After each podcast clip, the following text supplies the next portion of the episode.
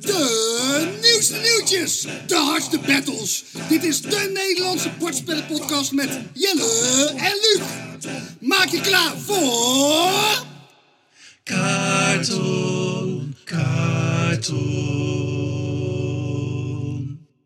Welkom bij de tiende aflevering van Karton, de Nederlandse bordspellenpodcast. Nummer 10 alweer, Jelle. Dat hebben we toch snel gefixt. Zeker weten. En eh, nog eventjes voor als mensen nu voor de eerste keer luisteren, eh, wie ben jij?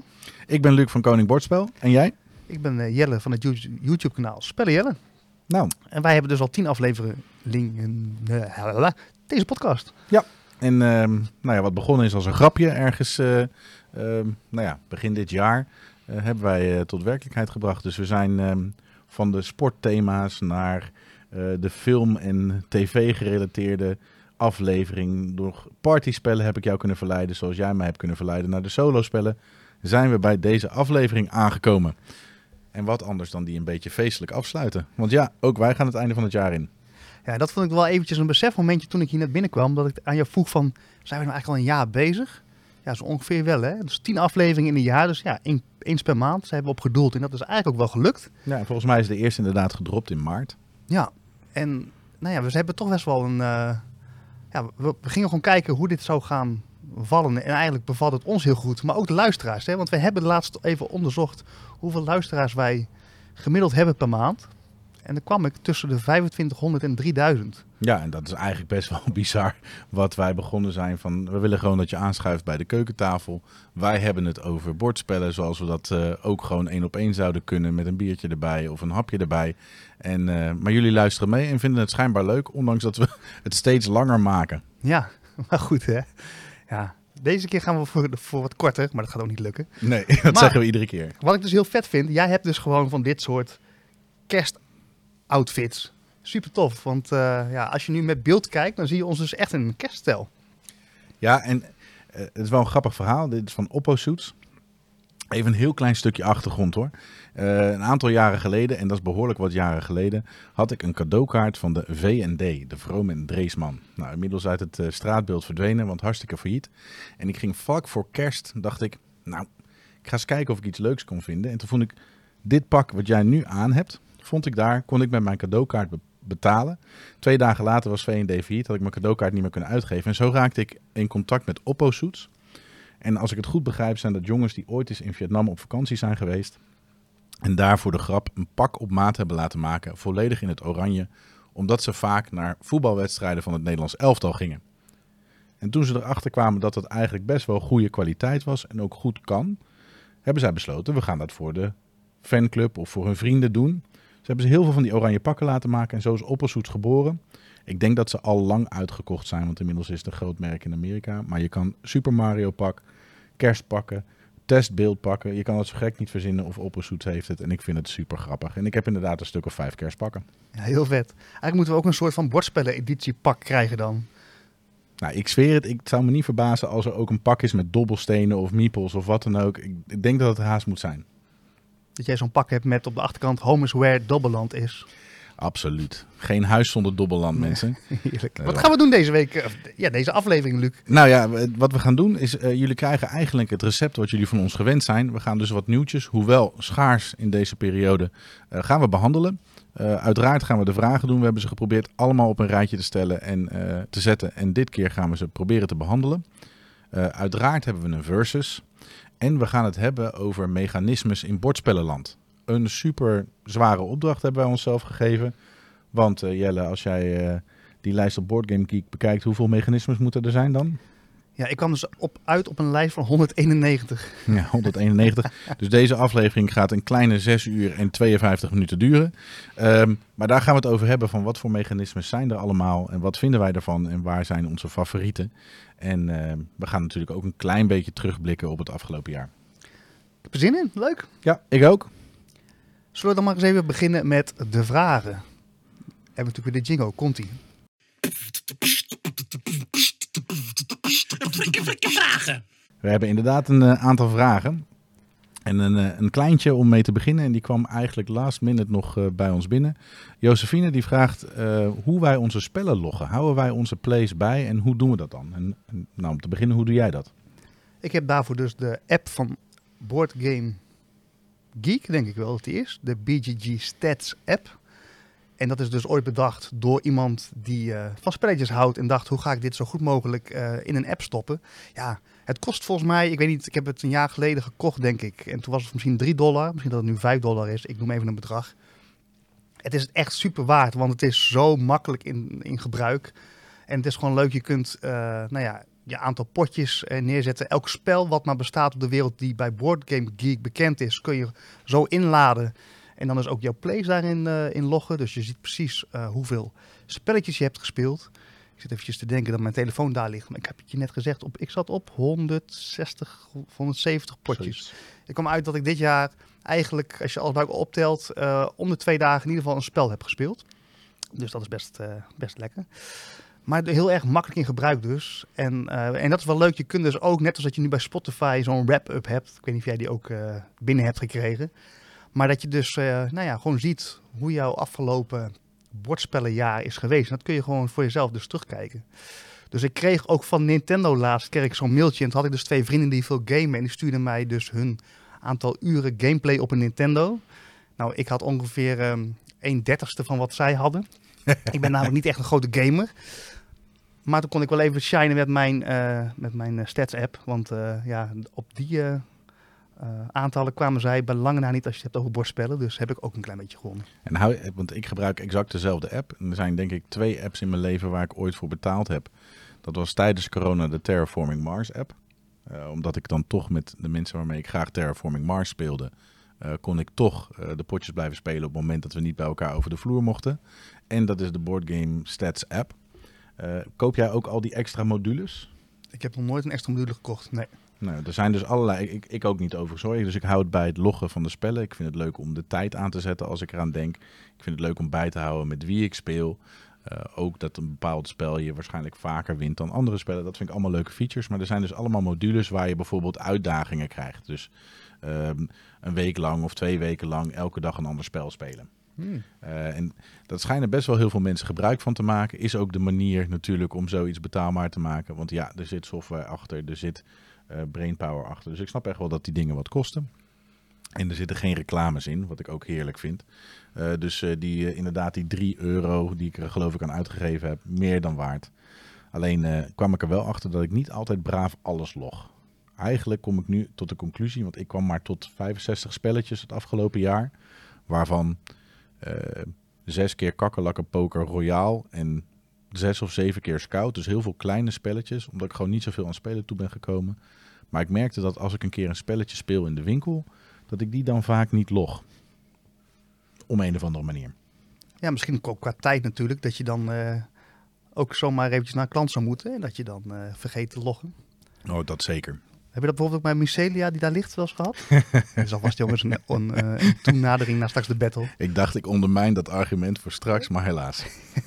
Hey, maar wat nog wel interessant is inderdaad, want het nieuwe jaar komt eraan.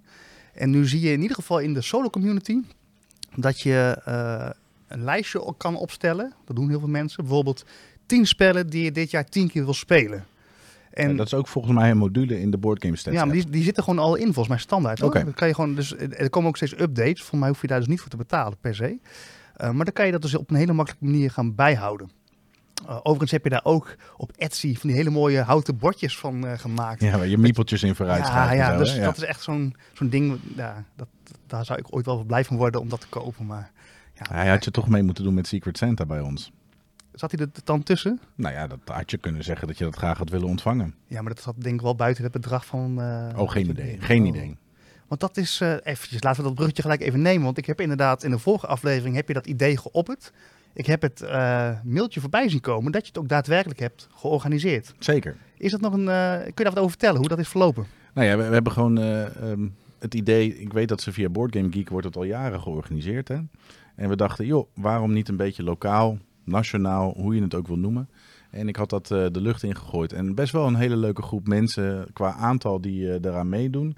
Ik denk dat we een mannetje of 30 hebben die het allemaal leuk vinden om een lijstje in te vullen. We hebben afgelopen maandag, dus is een paar dagen geleden, hebben we iedereen een mailtje gestuurd met je mag je loodje trekken. En 5 januari als een soort eh, nieuwjaarsborrel eh, gaan we dan de cadeautjes uitwisselen. Eh, overigens zitten er ook een paar mensen bij die op afstand meedoen. Dus die een cadeautje gaan opsturen en opgestuurd gaan krijgen. Maar gewoon superleuk. Een momentje. Wie vindt het niet leuk om een beetje verrast te worden? En ehm, het was wel heel moeilijk voor mij trouwens. En ik heb ook niet alleen maar spelletjes in mijn wishlist gezegd. Omdat we dachten, het moet, je moet iets krijgen waar je blij van wordt. Bijvoorbeeld zo'n zo'n stat dingetje van eh, Etsy. Eh, maar ik heb stiekem Lego op mijn lijstje gezet. Van die brickheads. Wat is dat dan? Ja, dat zijn van die hele kleine Lego verpakkingjes. Dus dan kun je een Donald Duck ongeveer, nou wat zal het zijn, een centimeter of 10, 12 groot. Eh, lekker een beetje Lego. Ik word heel gelukkig van Lego. Hmm. Ja, maar dat is ook echt iets wat heel erg tegen de bordspelcommunity aanhangt, denk ik. Want als ik kijk naar mijn Instagram feed, dan krijg ik regelmatig mensen, volwassen mensen die dus eh, hele kamers vol hebben met Lego. Ik heb dat met bordspellen, zij hebben dat met Lego. Dat is ook echt een wereld apart. Maar blijkbaar denkt het algoritme dat wij heel erg op elkaar lijken. Dus wellicht is het ook zo. Ja, nou, dan is mijn vraag wel, zie je vrouwen die Lego maken of zie je mannen die Lego maken? Ik, heb, eh, ik eh, zie beide voorbij komen. Ik heb ook echt vrouwen voorbij zien komen dat ik dacht, spaar jij Lego? En, ja, die hebben vaak ook wel heel veel volgers. Ik weet niet of het alleen maar vanwege de Lego blokjes is. Maar dat wordt echt, dat wordt echt wel, eh, ja, eh, ja, dat is Maar echt een wereld op zich. Ja, ik wilde even checken in welk algoritme je zat. Of je in een algoritme van vrouwen zit. Want schijnbaar als je aangeeft dat je een man bent, dan moet je vrouwen zien of zo op Instagram. Dus ehm, Maar goed, eh, Lego, ja, Lego, Lego, ja. Lego word ik dus gelukkig van. Maar inderdaad, dat was een klein bruggetje. Heerlijk trouwens dat wij dus, en dat is dus ook voor mij de kern van deze podcast. We begonnen met een kleine vragen over een stats app. En we zijn nu al echt gewoon allerlei zijpaadjes in aan het ja, schieten. ja, ja. Ik hou ervan, lekker. Wat hebben we nog meer? Ik, we kregen een hele gave mail van Paul, Paul van Mail. En ja, die mail heb ik denk ik wel twee keer gelezen. Want ehm, ja, die stipt iets heel erg interessants aan. Want Paul die geeft aan dat, eh, dat hij blind is. En eigenlijk ja, zo goed als volledig volgens mij. Eh, maar wel een enorm grote liefhebber van bordspellen en doet ook veel in de community. Eh, ik heb hem ook wel eens voorbij zien komen in een video met Bastiaan eh, Nox. En zo bijzonder om te zien, ehm, ja, hoe, als je dus eigenlijk feitelijk zou je zeggen van zo iemand kan eigenlijk niet echt makkelijk een bordspel spelen.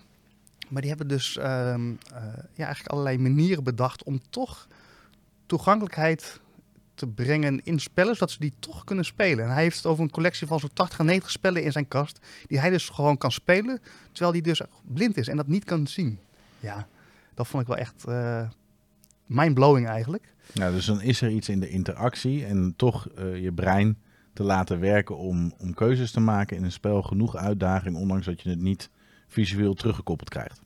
Ja, of dus, en dat is dus wel wat ik zag op de, de video met Bastiaan, dat ze dan bijvoorbeeld het spel Carcassonne, hè, dat is een spel waarin je tegeltjes moet aanleggen in een stad, maar die hebben ze eigenlijk met een soort van eh, bepaalde lijm, hebben ze die, die steden en die tegeltjes zeg maar een soort van 3D gemaakt, een soort van 3D-print, dus ze kunnen voelen, Beetje braille-achtig in het bordspel terugbrengen. ja, ja, en ook letterlijk soms breien door, door sleeves te gebruiken. En op die sleeves, dus met breien, eh, nou ja, wat tekst te zetten, zodat zij zien wat er in op die kaart gebeurt. Dus zo zijn er dus eigenlijk allerlei manieren te bedenken waardoor je toch spellen kunt spelen. Nou ja, dat is dus echt eh mindblowing voor iemand. eh, ja, dat is normaal ver van mijn bedshow, maar ik las zijn mail, toen dacht ik echt van, ja, echt super gaaf. Maar, dit was toen nog steeds geen vraag, dit is de opbouw naar de vraag. Want die stelde eigenlijk een vraag aan jou, eh, Luc. In hoeverre, hè, je hebt een winkel, Koning Bordspel, Ehm, ben jij bezig met het eh, toegankelijk maken van deze winkel voor eigenlijk iedereen? Ja, en dat is best wel een grote vraag. En ehm, een stukje context. Ik heb eh, heel lang in eh, de zorg gewerkt in het buitenland. Vooral in de meervoudige gehandicapte community. En dan word je heel erg bewust van hoe beperkt je soms bent. Niet door je eigen beperking, maar door de beperkingen die in de maatschappij opgeworpen worden. En nou eh, begrijp ik dat op het moment dat iemand visueel be- beperkt is, niet, dat kan niet zomaar opgelost worden. Ehm, maar ik vind het dus wel heel erg belangrijk dat onze winkel en dat dingen toegankelijk zijn. We hebben ook bewust met de layout van de winkel, toen we verhuisd zijn naar het pand waar we nu zitten, ik wil dat mensen in een rolstoel de ruimte hebben op alle plekken in de winkel. Dat vind ik echt mega belangrijk. Dus dan moet je dan moet je, je winkel sowieso breder opzetten. Uh, dat wilde ik altijd al, maar mijn vriendin Charlotte is afhankelijk van een rolstoel de laatste tijd vanwege long covid. Dus als wij iets ondernemen, dan nemen we die rolstoel mee. En een aantal maanden geleden zijn we gaan winkelen in uh, het centrum van Amersfoort. En dan merk je pas hoe weinig winkels dit een belangrijk punt vinden. De meeste winkels vinden het belangrijk om die winkel zo vol mogelijk te gooien en elke vierkante meter te gebruiken. Wat ik als ondernemer ook begrijp. Maar het is niet grappig om met een rolstoel door een kledingzaak te gaan, terwijl je dan dus over kleding heen moet rijden om überhaupt erbij te komen. De pashokjes te nauw zijn om überhaupt binnen te staan met je rolstoel. Dat zijn wel heftige dingen om te ontdekken. En dan heb ik het nu over de fysieke beperking. Uh, maar wij hebben een, de gemeente heeft een initiatief om te testen hoe toegankelijk uh, plekken zijn in Amersfoort. Die hebben wij ook langs laten komen van laat maar eens weten hoe toegankelijk zijn wij. En we hebben daar een zilver predicaat voor gekregen. Uh, de reden waarom we geen goud predicaat krijgen is omdat het licht wat fel is. Dus bepaalde visuele hmm. beperkingen vinden dat lastig. Uh, dat we geen gehandicapte toilet hebben. Ja, dat, dat is een investering die we gewoon nog niet hebben kunnen doen. Um, en, en deze vond ik wel een klein beetje grappig, maar tegelijkertijd ook niet, dat onze deur uh, geen sticker erop had, zodat mensen niet zouden kunnen doorhebben dat die dicht was. Dus dat ze tegen het glas zouden aanlopen. Hmm, oh, dat de deur letterlijk dicht is, dat zie je dan wellicht niet. Nee, als het, uh, dat is te veel glas. Zonder, weet je wel, dat je vroeger die vogeltjes op het raam plakte, zodat die vogels niet tegen het raam aanvlogen. Dat idee, dat waren de drie punten waarom we geen gouden label hebben gekregen. Uh, het licht hebben we wat aan proberen te doen door niet alle lichtbakken aan te zetten. We hebben een aantal lichtbakken uitgezet, omdat uh, een aantal andere mensen die snel overprikkeld waren, dat op een spelavond ook wel eens gezegd hadden. Nou ja, wat ik zeg, zo'n gehandicapte toilet, dat is een behoorlijke investering. Dat uh, laat nog even op zich wachten. En nou, we hebben een paar posters op het raam nu. Ja, maar dat is wel interessant wat je zegt. Hè? Want dat is, vind ik altijd een beetje moeilijk aan deze, dit soort onderwerpen. Uh, kan ik dan met mijn hoofd van alles bij bedenken. Maar bijvoorbeeld als je dus daadwerkelijk inderdaad iemand of in een rolstoel... of misschien als Paul hier in de winkel zou komen... Of, hè, dat je dan eigenlijk pas echt achterkomt of iets toegankelijk is of niet. Dat, dat, dat kan ik eigenlijk met mijn hoofd, die op, op dat punt dan goed werkt. Ik heb ook heel veel mankementen wellicht, uh, die dat wat minder goed doen. Maar dus, het is heel lastig om vanuit, je, moet, ja, je hebt eigenlijk echt mensen met ervaring eigenlijk daarin nodig, om dat dus op die manier ook echt uh, te doen. En dat is wel, uh, nou ja, als je dan zo'n voorbeeld geeft ook met Charlotte, dat jullie dus samen door die binnenstad gaan, ja, dan kom je er eigenlijk pas echt achter hoe dat, hoe dat zit. Ja, ja of, of het dierenpark waar wij graag komen is gewoon niet heel rolstoelvriendelijk prettig, omdat het veel hobbeltjes zijn, veel ingesleten asfalt, dus je stuit het alle kanten op. Ja. Prachtig dierenpark, maar dat is gewoon net niet zo fijn. En nog een heel klein voorbeeld. Um, we hebben hier in de doorgang langs de winkel dat is een voetgangersgebied, maar er wordt vaak gebrommerd en gefietst. En de gemeente heeft besloten om daar dan hekken neer te zetten. Je hebt ze gezien, waardoor je moet slalommen om dat stukje binnen te komen. Dus waardoor ze in ieder geval iets minder hard hier doorheen gaan als ze er doorheen gaan. En ik zie minder verkeer. Maar die poortjes zijn geplaatst over die, die geribbelde stoeptegels, waar mensen met een blinde geleidestok overheen gaan. De eerste week dat die er waren, zag ik iemand uit de beurt gewoon netjes die paden volgen. En die klapte dus met zijn bovenbeen op die hek, omdat die, pa, die, die geleidestok onder het hekje doorging. En die mevrouw die klapte zo tegen dat hek. Ik vond het echt schandalig dat daar niemand over nagedacht heeft. Is dat uiteindelijk ook uh, veranderd of niet? Nee, en ik heb melding gemaakt ook, want ik, ik vind dat echt heel erg. Ja. En als laatste, uh, Daniel, een vriend van mij, die uh, doet bijna alle vertalingen van 99 Games. En uh, die is zelf visueel beperkt. En ik had hem net nog even een appje gestuurd van... hey Daan, moet je luisteren. Um, hoe sta jij daarin? En ik zal het er even bij pakken. Um, belangrijkste issues voor hem zijn kleuren in spellen. Gebrek aan voldoende of goed licht. En het missen van door anderen gedane zetten. Omdat hij heel, um, nou, heel nauw ziet eigenlijk als het ware. Gek genoeg heeft hij namelijk geen last van kleine letters. Uh, in tegenstelling tot de meeste slechtzienden. Mm. En daarom kan hij zijn werk ook gewoon doen. Um, maar zo zie je maar dat er zo'n ontzettend breed, een breed, grote groep is met hele verschillende dingen waar ze last van hebben in bordspellenland. Maar kleur is natuurlijk wel een hele obvious one. Er zijn veel mensen die kleurenblind zijn, ondanks dat de meeste mensen dat nog wel willen ontkennen. Um, dus daarom zijn heel veel spellen de laatste jaren naast kleur tegelijkertijd ook een vorm eraan geven. Kijk maar spelletjes als eh, Quinto en dat soort dingen. Het is niet meer alleen de kleur die beperkend is, maar je ziet er ook een ander vormpje in. Ja. Nou, belangrijk om daar rekening mee te houden. En hoe zie jij dan, als je het hebt over uh, de bordspellen community eigenlijk, hè? Dus uh, hoe, hoe, toegankelijk denk jij dat die, die is voor in ieder eigenlijk dus? Nou, de community aan zich is denk ik heel toegankelijk. Ook omdat ik denk um, dat als ik kijk naar evenementen, naar beurzen, dat iedereen echt zichzelf kan zijn voor mijn gevoel. Um, dus daar zit niemand raar te kijken als er iemand eh, met een zichtbare fysieke beperking rondloopt. Uh, want of je nou complete cosplay rondloopt of een beurs of in een rolstoel zit. Volgens mij mag iedereen zijn wie ze zijn. Dus daar is in ieder geval geen beperking op geworpen. Uh, maar dat is een psychologische beperking. Hmm. Maar goed, ook dat is vanuit mijn perspectief anders dan iemand die daar daadwerkelijk tegenaan loopt. Um, dus de toegankelijkheid zit denk ik wel goed als het op dat gebied gaat. Ik denk dat beurzen wel heel lastig zijn als je niet goed ter been bent. Um, dat je op het moment dat je een bepaalde beperking hebt, dat je zorg moet dragen dat je goede vrienden hebt en begeleiders hebt die je daar kunnen helpen, zoals Paul dat dus ook heeft. Um, Maarten, een jongen die in een rolstoel zit, die vaak bij ons in de winkel komt, uh, die heeft simpel dingetjes als van die kaartenhouders, omdat hij dat zelf moeilijk kan vasthouden. Hij kan het allemaal prima spelen en hij kan aangeven wat er moet doen, gedaan moet worden. Hmm. Maar iemand moet de zetten voor hem doen. Dus je bent, je bent gewoon een beetje afhankelijk. Maar ik denk dat er zoveel mensen zijn die bereid zijn om daarin mee te helpen. Dat ik hoop dat het gevoel wat ik heb, dat we toegankelijk zijn met z'n allen, ook waar is. Ja. Nou, ik zie nog wel een, uh, ik heb daar nog wel een wens voor de toekomst. Um, met name, uh, er is een groep waar ik redelijk wat, uh, wat zicht op heb. En dat is namelijk de mensen vanuit, ja, die doof zijn. Dus de dove community. En wist jij dat er ook echt een gigantische uh, spellencommunity is rondom mensen met, nou ja, die dus doof zijn. Um, ik heb jaren geleden op een vakantie in Frankrijk heb ik Splinter leren kennen. Een jongen die dus doof is. En toen waren we altijd nog helemaal niet in deze hobby. Maar hij heeft dus ook een, een Instagram-kanaal. en organiseert ook bordspelavonden. En ja, dat is echt gigantisch groot. Dus, maar dan zie ik dus wel een soort van aparte, aparte groep die ik ja, ik, ik zou daar niet zo snel uh, op afstappen.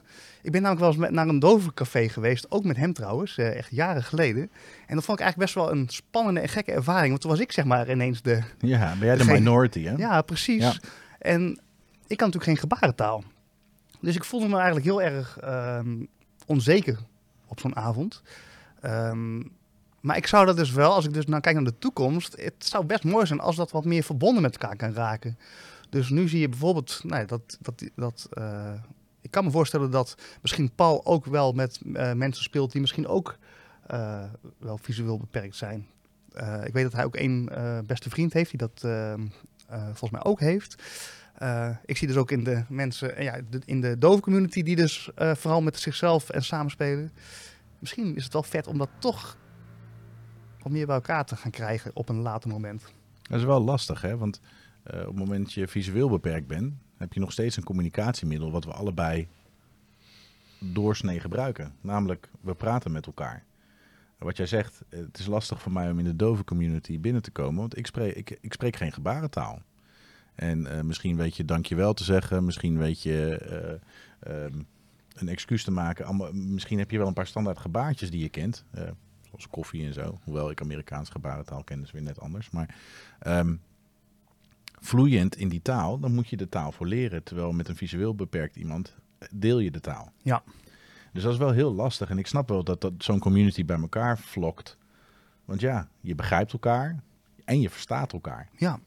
Nee, dat is ook helemaal, uh, dat is ook heel logisch natuurlijk. Maar ik zou het nog wel... Uh, uh, nou, ik, hoorde ook iemand die was echt lichamelijk beperkt. Um, en die zei, die vond het woord ook handicap bijvoorbeeld helemaal niks. Die zei nee, ik heb een anders werkend lichaam. En toen dacht ik, ja, dit is dus dit is de kern. En dat geldt volgens mij ook als we het nu hierover hebben. Iemand heeft misschien die heeft een anders werkend lichaam. Dan als je van elkaar weet hoe dat werkt en je vindt een manier om daar dus in communicatie met elkaar te treden, dan ben je er. Alleen het Ja. vraagt wel wat investeringen in elkaar leren kennen en, en wellicht ook geduld en, en nou ja, een zoektocht. Maar volgens mij moet er dan best wel veel mogelijk zijn. En gebeurt dat misschien nog te weinig om elkaar daarin te vinden.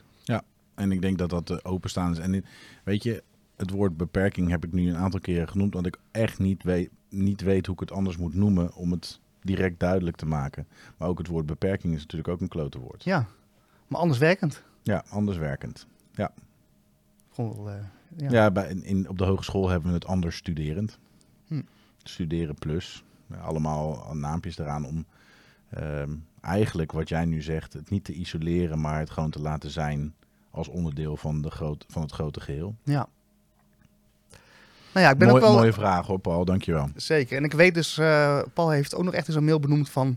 Als je naar luistert en je denkt van, oh, daar zou ik wat meer over willen weten. Volgens mij geeft hij ook workshops en... eh, nou ja, goed, heeft daar van alles over te vertellen en te laten zien.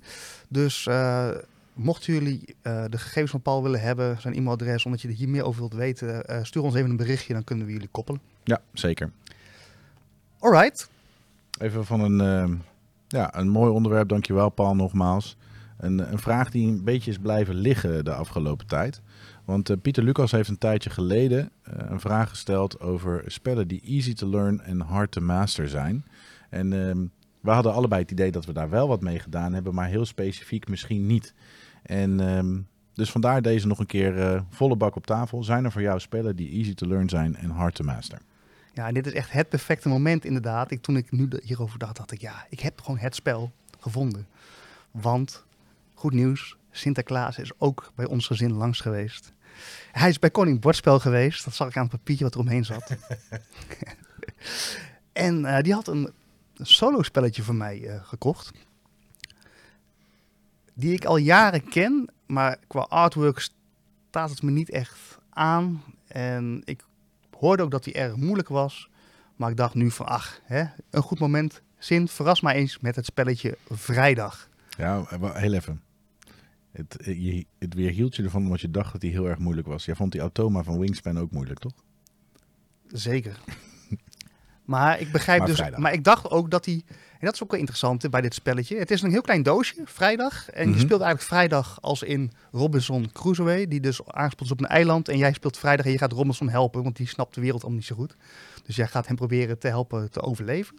Ja, een doosje het formaat van regenworm is het, hè? Ja, echt heel klein. Het is een beetje cartoonachtig artwork. Het ziet er allemaal vrij onschuldig uit. Maar het is echt eh, snoeihard. Want, eh, nou ja, ik heb het dus nu in totaal in deze korte tijd al zeven potjes op zitten. En van die zeven potjes ben ik zeven keer al dood gegaan. Voordat ik überhaupt bij het bevechtigen van die piraten was. Wat het eindstadium is van het spel. Dus eh, het is gigantisch moeilijk om te winnen. Maar het is eigenlijk heel simpel qua regels. Dus dit is voor mij het perfecte spelletje. Easy to learn.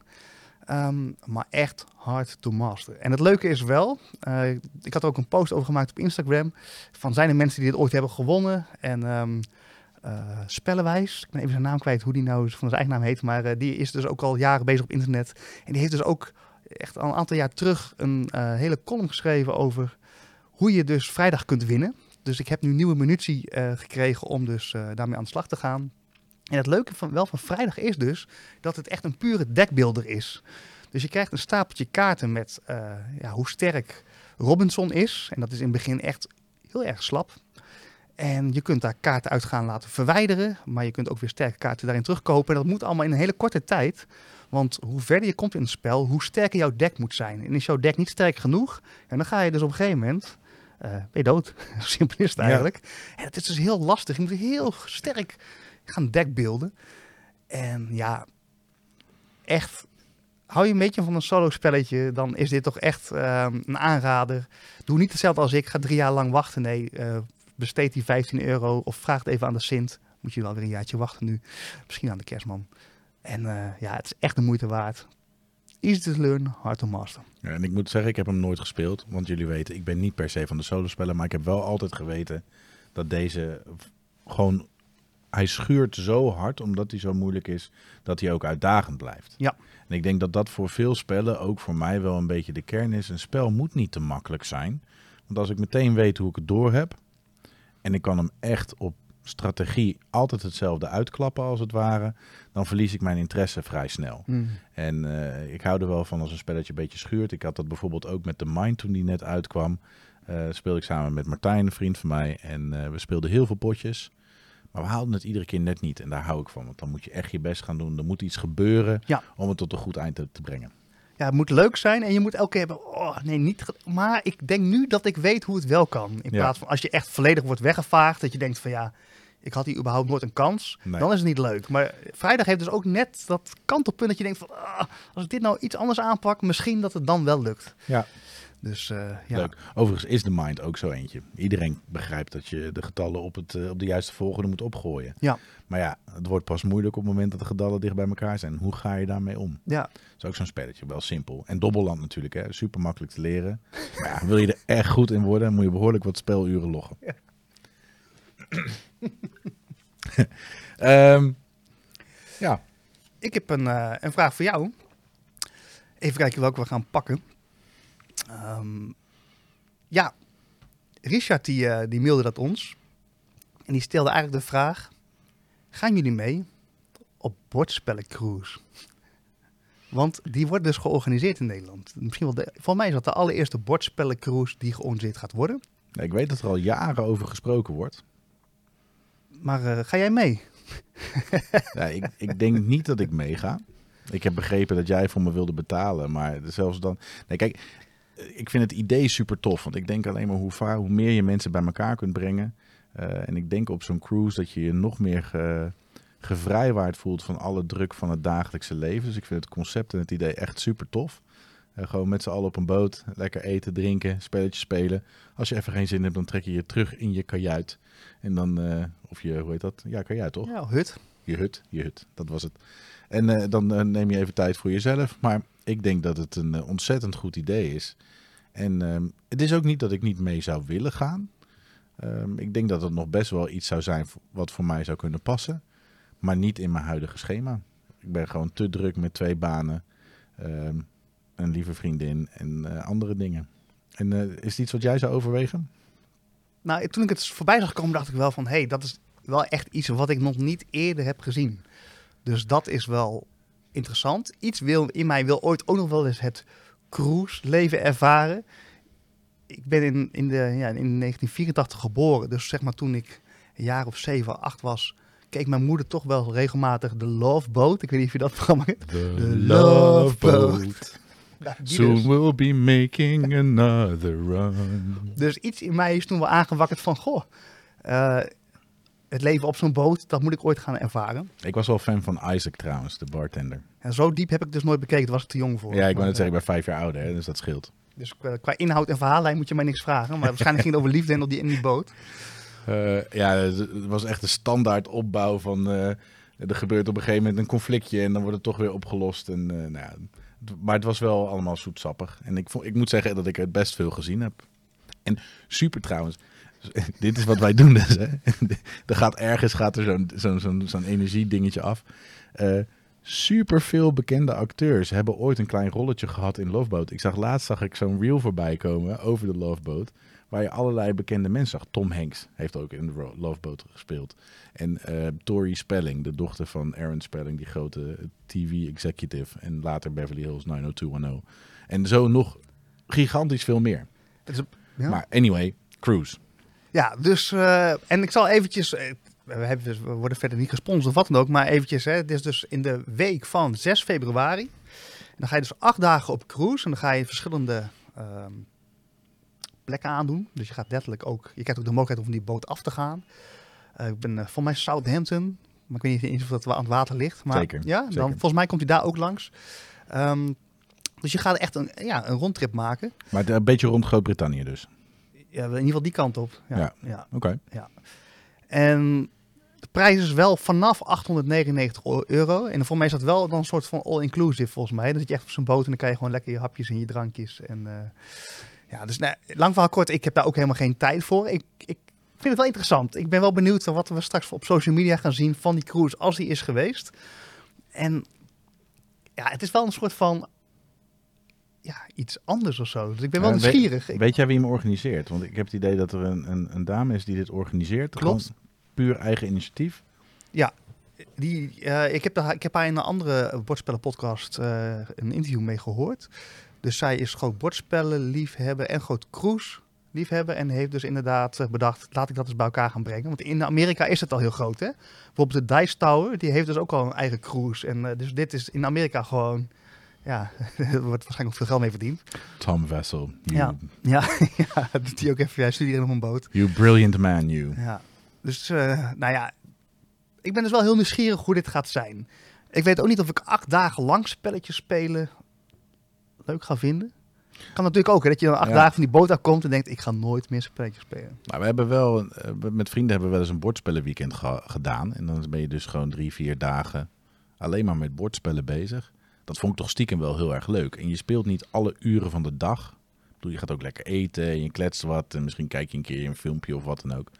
Maar gewoon het, ja, ik denk escapism. Dat is een woord wat ik van jou dit jaar geleerd heb om hoe belangrijk dat kan zijn. Ik kan me echt voorstellen dat je in de context van een cruise en bordspellen eh, gewoon compleet offline. Ik denk dat het wel heel lekker is. Ik heb ook weer Expeditie Robinson gekeken eh, dit jaar. Ik zal geen spoilers geven hoor. Maar eh, wat de meeste kandidaten zeggen is... Ja, het is eigenlijk zo bizar op het moment dat je die telefoon uitzet... je e-mail uitzet, je computer niet meer bij je hebt... ehm, minder prikkels, dat er dan toch echt wel wat met je gebeurt. En ik vrees ook als je terugkomt... dat je weer binnen no time in het normale ritme zit. Ehm, maar ik kan me er wel wat bij voorstellen. Dus Ja. misschien eh, moeten we toch een keer overwegen, Jelle. Ja, ik, eh, we gaan het in ieder geval blijven volgen. Ik heb geen website voor je als je nou denkt van ja, ik wil daar nog op, op inspringen. Maar ook ik heb gewoon even gegoogeld op bordspellen cruise Nederland en dan kom je gewoon gelijk. Kan eigenlijk niet missen, dus doe dat vooral even. En laat dan ook even weten hoe het is geweest. Ik ben echt eh, reuze benieuwd. Ja, Het heeft me wel getriggerd. Leuk idee. Hey, ik heb ook nog een, eh, een vraag. Eh, Guido, die heeft. ja, Guido is inmiddels onderdeel van het meubilair van deze podcast.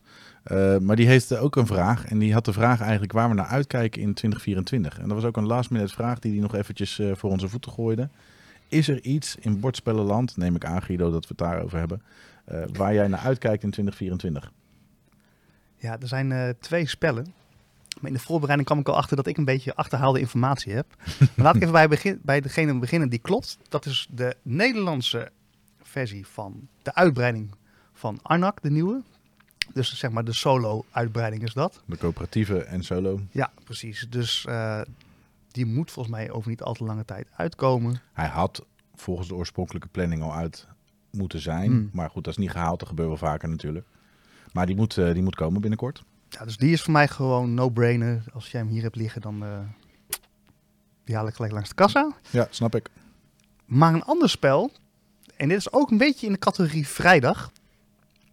Die zit al jaren op mijn netvlies en dat ik denk, ach, is wel niks voor mij. Maar het begint steeds met de kriebelen. Ik ben nu eigenlijk op het punt gekomen, omdat ik dus dacht dat dit een nieuwtje was, dat ehm Feast for Odin.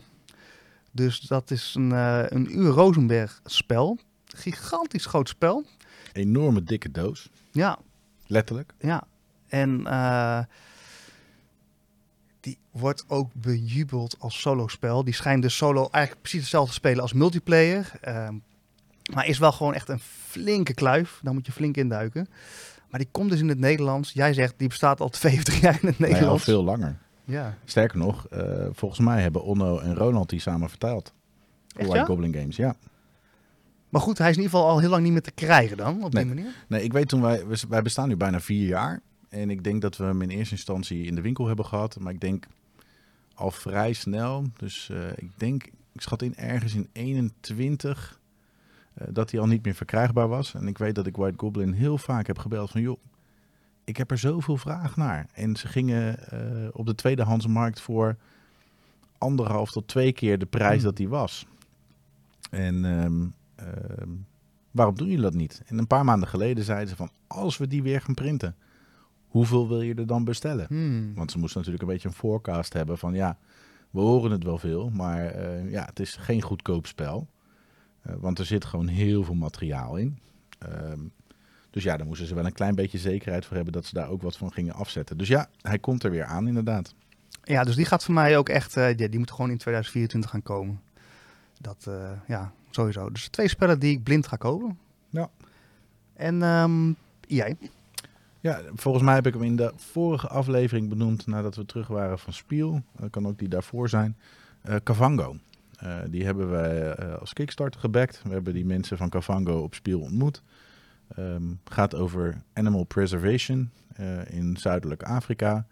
Ja, dat, we hebben een demo hier liggen. Ik vind die deluxe versie, kijk ik wel een beetje naar uit dat die strakjes hier komt te liggen. En in tegenstelling tot de meeste Kickstarter campagnes een eh, redelijke tijdlijn. Dus hij wordt in eh, juni, juli verwacht. Nou, laat het een klein beetje uitlopen. Gaan we hem in september hebben. Ja, ik ben ook wel echt benieuwd naar. Je hebt het natuurlijk al vaker over gehad eh, in de vorige aflevering. En ja, die staat wel bij mij op mijn netvlies. Ja, en ik merk dan toch ook wel dat ik vaak wel getriggerd word door, door iets met dierenrijk of ecosystemen, het milieu. Ja, vind ik wel een interessante. Jij maakt trouwens echt het perfecte bruggetje naar de volgende vraag. Af en toe lijkt dit zo gestroomlijnd, hè? Want, komt-ie. Ja, Danny Koopmans, die heeft ons gevraagd ja, hoe wij eigenlijk aankijken tegen de duurzaamheid van spellen. En hij geeft zelf het voorbeeld dat hij dus, eh, de, er is een nieuwe uitgave van El Grande gemaakt. En hij zegt dat het is een doos met ontzettend veel karton. Eh, ja, gewoon best wel eh, belastend eigenlijk. Er zit gewoon heel veel materiaal in. En ja, ook vaak als je trouwens een, een, een spel koopt, hè, verpakkingsmateriaal zit er al eh, best wel wat in. Kortom, denk jij dat wij zo door kunnen blijven gaan? Of moet er, eh, ja, kijk jij op een andere manier aan tegen de duurzaamheid van bordspellen? Ja, duurzaamheid is best wel een lastig thema. Ik heb het een keer met Dice Daniel erover gehad dat hij daar een keer over door wilde kletsen. Ehm, wat is duurzaamheid? En ik, ik ben geen onderzoeker in dat veld, dus ik weet ook niet waar de waarheid ligt. Want aan de ene kant, overproductie, overconsumptie is natuurlijk niet duurzaam. Aan de andere kant zie je wel steeds meer keuzes in bordspellenland. eh, dat veel dingen niet meer gesealed worden. Maar dan krijg je weer het commentaar van de community dat er zo'n stickertje op de zijkant is en dat die doos meteen beschadigt dat shelfware al ontstaan is in de winkel of tijdens het vervoer, omdat er geen eh, seal meer omheen zit. Eh, en ik weet niet zo goed wat goed is. Moeten we karton recyclen voor de bordspellencommunity? Uh, Ravensburger maakt altijd de grap. Wij verdienen het meeste geld aan re- recycled karton, namelijk de puzzels. Ehm, ja, ik kan me voorstellen dat dat wel duurzaam is als je eh, papier recycelt. Als dat inderdaad ook werkelijk zo gaat in het proces, hè, want dat weet ik niet. Ehm, maar ik, ik heb het gevoel dat dat belangrijk is. Ik zou graag willen dat we iets met duurzaamheid moeten. Dus ik ben voorstander van minder plastic. Ehm, je, je, je hebt het vast wel in die kleine kaartspelletjes gezien. Dan zit er zo'n klein visitekaartje bij met eco-friendly eh, production. Ehm, maar ik denk dat de duurzaamheid, en hier komt die, vele malen meer te halen is als we meer lokaal gaan produceren. Maar wat gebeurt er dan? Dan gaat het ons meer kosten. Want als wij onze spelletjes in China laten produceren, zelfs met die containerschepen die deze kant op moeten varen, is het goedkoper dan wanneer ik het in een fabriek in Polen laat doen. En dat moeten we als ondernemers willen.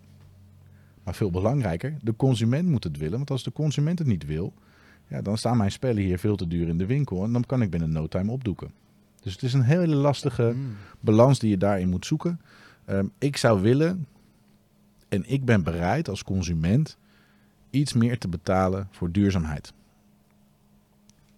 Nou, dan hebben we het nog niet eens over vlees, vegetarisch. Nou, en al dat soort kwesties er ook een rol van. Maar de vraag ging over bordspellenland. Mhm. Ja, ik, ik zou willen dat we... Ik neem de shelfware op de koop toe als er geen plastic meer in gebruikt wordt. Dat is mijn standpunt. Maar hoe kijk, je dan aan als jij... Ank was volgens mij een spel wat jij ontzettend waardeert. Met name ook voor geweldige plastic miniatuurtjes. Ja. Dus wat nou als we tegen jou gaan zeggen... Oké, eh, Luc, we hebben jouw eh, podcastaflevering gehoord. We weten hoe jij tegenaan kijkt. Vind jij het goed als we jouw Ank-versie sturen... waarin we dan gewoon... Kartonnen standees. Ja, want hè, Ja. dat is zo fijn. Of ga je dan toch voor... Ja, lastig hè, is een gewetensvraag. Ja, ik, ik, ik vind hem lastig hoor. Want het, ja... Laat ik het zo zeggen, onnodig plastic gebruik moeten we sowieso afschaffen. Kun je hetzelfde speelgenot van een ank creëren met standees? Probably not. Ja, ja, ja, you got me. Lastig. Nou ja, got me. Ik bedoel, ik... ik eh, Maar ben ik bereid meer te betalen omdat er dat in zit, zodat je ergens anders kunt compenseren? Eh, ja. Ja, maar het is, het is een ingewikkeld vraagstuk. Eh, ik denk dat er steeds meer mensen zich gelukkig bewust van zijn. Ik denk dat dat stap 1 is. Ehm, maar ja, ehm, ik, heb, ik heb de oplossing niet. En wat ik zeg, ik doe geen onderzoek in deze branche. Ik vind het belangrijk. En ik ben bereid om iets lokaal te laten produceren of lokaal te kopen. Ehm, bedoel, hetzelfde geldt natuurlijk als we. eh, ik bedoel, ik heb zelf een webshop, hè, dus begrijp me niet verkeerd. Het is niet slecht, maar als je het bij je lokale ondernemer kunt kopen, in plaats van te laten opsturen, ben je bereid dan iets meer te betalen? Ik wel. En heel veel van mijn klanten ook. Ik bedoel, eh, er zijn spellen in mijn winkel die goedkoper te krijgen zijn als je ze bij onze grote blauwe vriend of een andere webshop bestelt. Ja, dat weet ik. Maar ja, dat kan niet. nee. Moet licht ook aanhouden. Nou, eh, moeilijke vraag. Eh, dankjewel voor deze. Ja, het is inderdaad ook wel lastig. Maar ik vind het ook... Ik heb er ook even over nagedacht. En ik word ook een klein beetje... Ik ga, me- ik ga een beetje ook een tegenhanger daarin geven, Mhm. hoor. Ik word een beetje moe ook wel eens. Dat we misschien een beetje te veel willen doordrijven, alle duurzaamheid. Want het voorbeeld van Ank, ja, er is ook gewoon een spelervaring. En die ga je gewoon op een gegeven moment is er een grens waarin het gewoon teniet wordt gedaan. Dus als jij echt met kartonnen standees aankomt, die beleving ga je niet krijgen. En als ik dan, hè, ehm, ik heb een, eh, vanuit mijn werk eh, kon ik een kerstpakket uitzoeken. en dan kom ik dus, dan zie ik dus wat ik daarvoor keuzes had. Hè. Dat is vanuit een extern bedrijf. Ik ga verder ook allemaal geen namen noemen. Nou, dat is alsof ik bij de Action gewoon alles... le- Het was echt dat ik dacht, dit, waarom wordt dit gedaan? Dus als ik dan kijk van in de totale hoeveelheid van de wereld, wat er allemaal wel niet gebeurt, in onze kleine niche van bordspellen, waarin dan misschien hè, bij een speler zoals Ank wordt gekozen voor plastic miniatuurtjes, maar we ook heel veel mooie ehm, flip en roll and rides hebben, die eigenlijk alleen maar wat papier en een potloodje van hout eh, nodig hebben, ja, dan wordt er al best wel veel eh, positiefs gedaan. En is het best goed om te kijken volgens mij van Ehm, hoe kunnen we bijvoorbeeld gaan, ehm, nou, zo goed mogelijk kunnen gaan versturen. Hè? Misschien is heel veel plastic eh, toevoegen, zodat het spel niet beschadigt. ook niet nodig. Maar vervolgens, als het wel beschadigt, word je als consument ook niet blij. Dus ik vraag me wel af of we de niche bordspellenwereld ook volledig moeten gaan verduurzamen. Want dan dragen wij ook bij aan een betere wereld. Of is er een grens daaraan? Nou, ik denk wel dat we moeten doen waar, waar we kunnen. En je, je, noemt iets wat ik eigenlijk vergeten ben. Toen wij, de, we zijn vanuit een webshop gestart in eerste instantie. We hebben nu deze prachtige winkel, maar eh, de eerste instantie was we gaan eh, de online wereld bedienen. Eh, en toen hebben wij nagedacht over hoe willen wij onze spellen versturen. Want ik weet, wij als bordspelers zijn zeer zuinig op onze spelletjes. Wij ruimen het netjes op. Eh, er mag geen chips gegeten worden bij bepaalde spellen. Eh, weet je, dat soort dingen. Dat, dat idee heb ik dat de meeste mensen in de community datzelfde gevoel hebben. We zijn zuinig op die spulletjes. Ehm, en toen ging ik bedenken, ik wil geen standaard dozen hebben. eh, daar een spel in gooien en er wat plastic en lucht bij frotten zodat het niet beweegt. Dus wat wij gedaan hebben, wij versturen. En als je ooit een pakketje van ons gehad hebt, hoop ik dat je dat is opgevallen. Eh wij hebben kartonnen platen en we hebben een beetje afgekeken van een boekverpakking. Daar vouw je een bepaald kartonnetje om een boek heen en dat kan dan verschillende groottes aannemen. Wij snijden ze gewoon op maat. Dus ik maak een kartelrandje, ik snij in, ik vouw het spel in, waardoor die een klein luchtrandje aan beide kanten heeft als stootrand. En eigenlijk kunnen onze spellen tijdens het vervoer alleen maar beschadigd raken als je of echt een hele lompe bezorger hebt die er vol met zijn hak op gaat staan, of als er iets met een punt van bovenaf invalt. En eigenlijk horen we ook nooit iets van beschadigingen. Sterker nog, een eh, paar weken geleden kregen wij een mailtje van een klant. Er moet me iets van het hart. Eh, heeft, ik weet dat het niks met jullie te maken heeft, maar jullie zijn degene waar ik het gekocht heb. De bezorger heeft hier het pakketje eh, gewoon vol in de regen laten staan. En desondanks is het toch nog heel. Ik baal van de bezorger en het is schandalig, wat het ook echt absoluut is. Want je bent gewoon niet zuinig op andermans spullen. Eh, maar zelfs dat heeft het spel overleefd. Dus nou ja, daar ben ik dan wel een beetje trots op. Ja. En duurzaam, omdat we klein proberen te verpakken. Dus minder volume de weg op. Ehm, en geen eh, plastic toegevoegd aan onze bestellingen. Nou, dat is wel echt een mooie manier, denk ik, om eh, nou, het versturen zo goed en duurzaam mogelijk te maken. Maar en uiteindelijk moet je toch versturen. Dus ja, je zult ook, daarin is een grens wat je daarin kunt doen. En ik denk Ja. dat je dan op die manier al heel veel eh, doet. Ja. Dus, ehm, maar goed, ja, en het is daarin ook altijd zo fascinerend, vind ik, dat mensen die dan, dat zie je bijvoorbeeld nu ook eventjes in de kerstbomenbranche. Ik sprak laatst iemand die dan een duurzame kerstboom had gekocht. Die betaalt drie keer zoveel geld, want dat is dan een kerstboom die al vorig jaar weer terug in de grond is gezet. Maar die moesten dan op gaan halen eh, met een auto die ze dan weer moest lenen met een busje, want het was allemaal moeilijk om te komen. Toen dacht ik, oké, dus alle moeite en ook ehm, ja, belasting op de wereld die je nu eh, moet inzetten om überhaupt die kerstboom in je huis te krijgen. Het was trouwens nog een hele lelijke kerstboom ook nog. dan, dan, dan heb je wel een duurzame kerstboom, maar de hele route er naartoe zorgt ervoor dat het misschien nog wel meer... Ja, hij is duurzaam omdat je hem ieder jaar terugplant en eh, ophaalt. Toch? Ja, dat is, dat is precies. het idee. ja. Ja, dus... Maar goed, dus het is altijd weer zo'n brede plaatje, dat wil ik eigenlijk zeggen. En, en uiteindelijk moeten we ook maar gewoon ook wel blijven genieten van die hobby. Want we kunnen met z'n allen wel een beetje eh, zo kunnen eh, gaan denken. Maar ik zie bijvoorbeeld hier eh, playmats hangen. Ja, ik word af en toe best blij van ook wel eventjes een lekkere plastic playmat eh, op mijn tafel. Zodat een spel nog beter tot zijn recht komt. En ik denk dat het over vijf jaar ook nog steeds wel doen. Ja. als het wel zo als het Nee, ja, is. maar ja. dat geeft gewoon aan hoe lastig dit onderwerp is. En ik denk dat we het erover hebben en er bewust van zijn ehm, en niet onze ogen sluiten. Dus ontkenning dat we als mensheid een belasting zijn op deze aardbol, ja, dat, dat kan je in mijn ogen echt niet meer ontkennen. Wat de oplossing is, dat weet ik ook niet. Dus het is ook niet zo dat ik zeg we moeten X of we moeten Y. Maar het feit dat we ons bewust zijn van het feit dat we wel eens wat meer mogen nadenken. eh, dat het niet normaal is dat je voor twee tientjes naar Sevilla vliegt. Ehm, ja, dat, dat mogen we echt wel met elkaar doen. Precies. Dus, eh, nou ja, Nou. mooi samengevat. Eh, ga ik eh, naar een andere vraag. Eh, Ton de Wit die vroeg namelijk ook iets aan ons. Ehm, die had een vraag en de context was dat hij samen met een stel vrienden terugkwam uit Spiel en vol met ervaringen aan hun eerste of tweede potje Terraforming Mars begon. En na 3,5 uur zo'n koppijn had en eigenlijk geen zin meer had.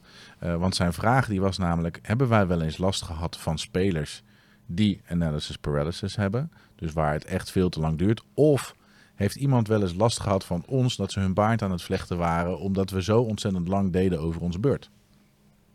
Jelle, ben jij een AP'er? Ik zeg zelf van niet, maar Charda vindt er wel wel dat ik lang nadenk. Maar zij Ja. doet het wel ubersnel. Ik wou zeggen, Charlie speelt Hogwarts Battle alsof het eh, een sprintrace is. Ja. Dus dat eh, zegt inderdaad misschien meer over haar als over mezelf. Dus ik denk dat ik eh, redelijk snel speel. Ik, ik denk dat ik ook redelijk spel, snel speel. Wat mij wel vaak overkomt, is dat ik als ik aan het wachten ben op mijn beurt bedacht heb wat ik ga doen. Dan duren de andere beurten zo lang dat ik ben vergeten wat ik ging doen. Ja, precies. En dat ik nog een keer opnieuw moet bedenken. Maar Ja. dan wel redelijk snel kan. Eh, maar dan denk ik, oh ja. Of dat ik iets ga doen en ik dacht, hé, hey, dat was mijn plan helemaal niet. En dan, ja, à la Rummy Cup, alle steentjes weer even terugleg voordat ik mijn beurt echt uitvoer. Heb je je wel eens echt ook zitten irriteren dus aan iemand? Dat je echt dacht van, nou, ik zit hier echt mijn Nou, te plukken. Heb ik er wel eens grappen over gemaakt? Plaag ik mijn medespelers er wel eens mee? Ja, dat doe ik. Heb ik me er echt aan geïrriteerd? Nee.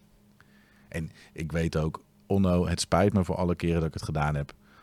Als Onno heel hard aan het nadenken is, dan is hij het allemaal aan het analyseren. En hij is ook echt goed. Dus het helpt hem ook hè, om het even goed te analyseren. En als ik dan, terwijl hij daarmee bezig een opmerking maakt, ja, dan doet hij er nog drie keer langer over. Dus het is ook mijn eigen schuld. Onno, sorry. Het spijt me. Ik ga er in 2024 op letten. En ik weet dat hij luistert. oh ja, oh ja, sorry, Onno. Ik heb een fout gemaakt, jongen, in de vorige podcast. We hadden het over Star Wars ehm, Rebellion versus. Nou, in ieder geval, ik, ik ben nu de, de draad een beetje kwijt, maar we hebben Imperial Assault, we hebben Star Wars Rebellion en er zijn nog een aantal van die Star Wars eh, spellen. En ik had het over de een, terwijl in mijn tekst het leek alsof ik het over de ander had. Dus hij belde mij, hij zat in de auto terug van werk en hij was aan het luisteren. Hij zegt, maak jij nou een enorme fout? Ja, ik maakte inderdaad een enorme fout. Excuus. Was dat het spel wat jij ook eh, toen voordelig op een koningsmarkt had gescoord? Ja. En dat spel wat jij daarin benoemde, bleek dus een ander spel te zijn. Correct. Oké, helder. Ja, dat was dat hem. mooi rechtgezet. Ja, ja, ja, dat was hem. Ik heb trouwens nog even, omdat eh, ik heb dus van, eh, ja, eigenlijk vorige week nog meegemaakt, deze situatie, over dat ik dus met iemand aan het spelen was.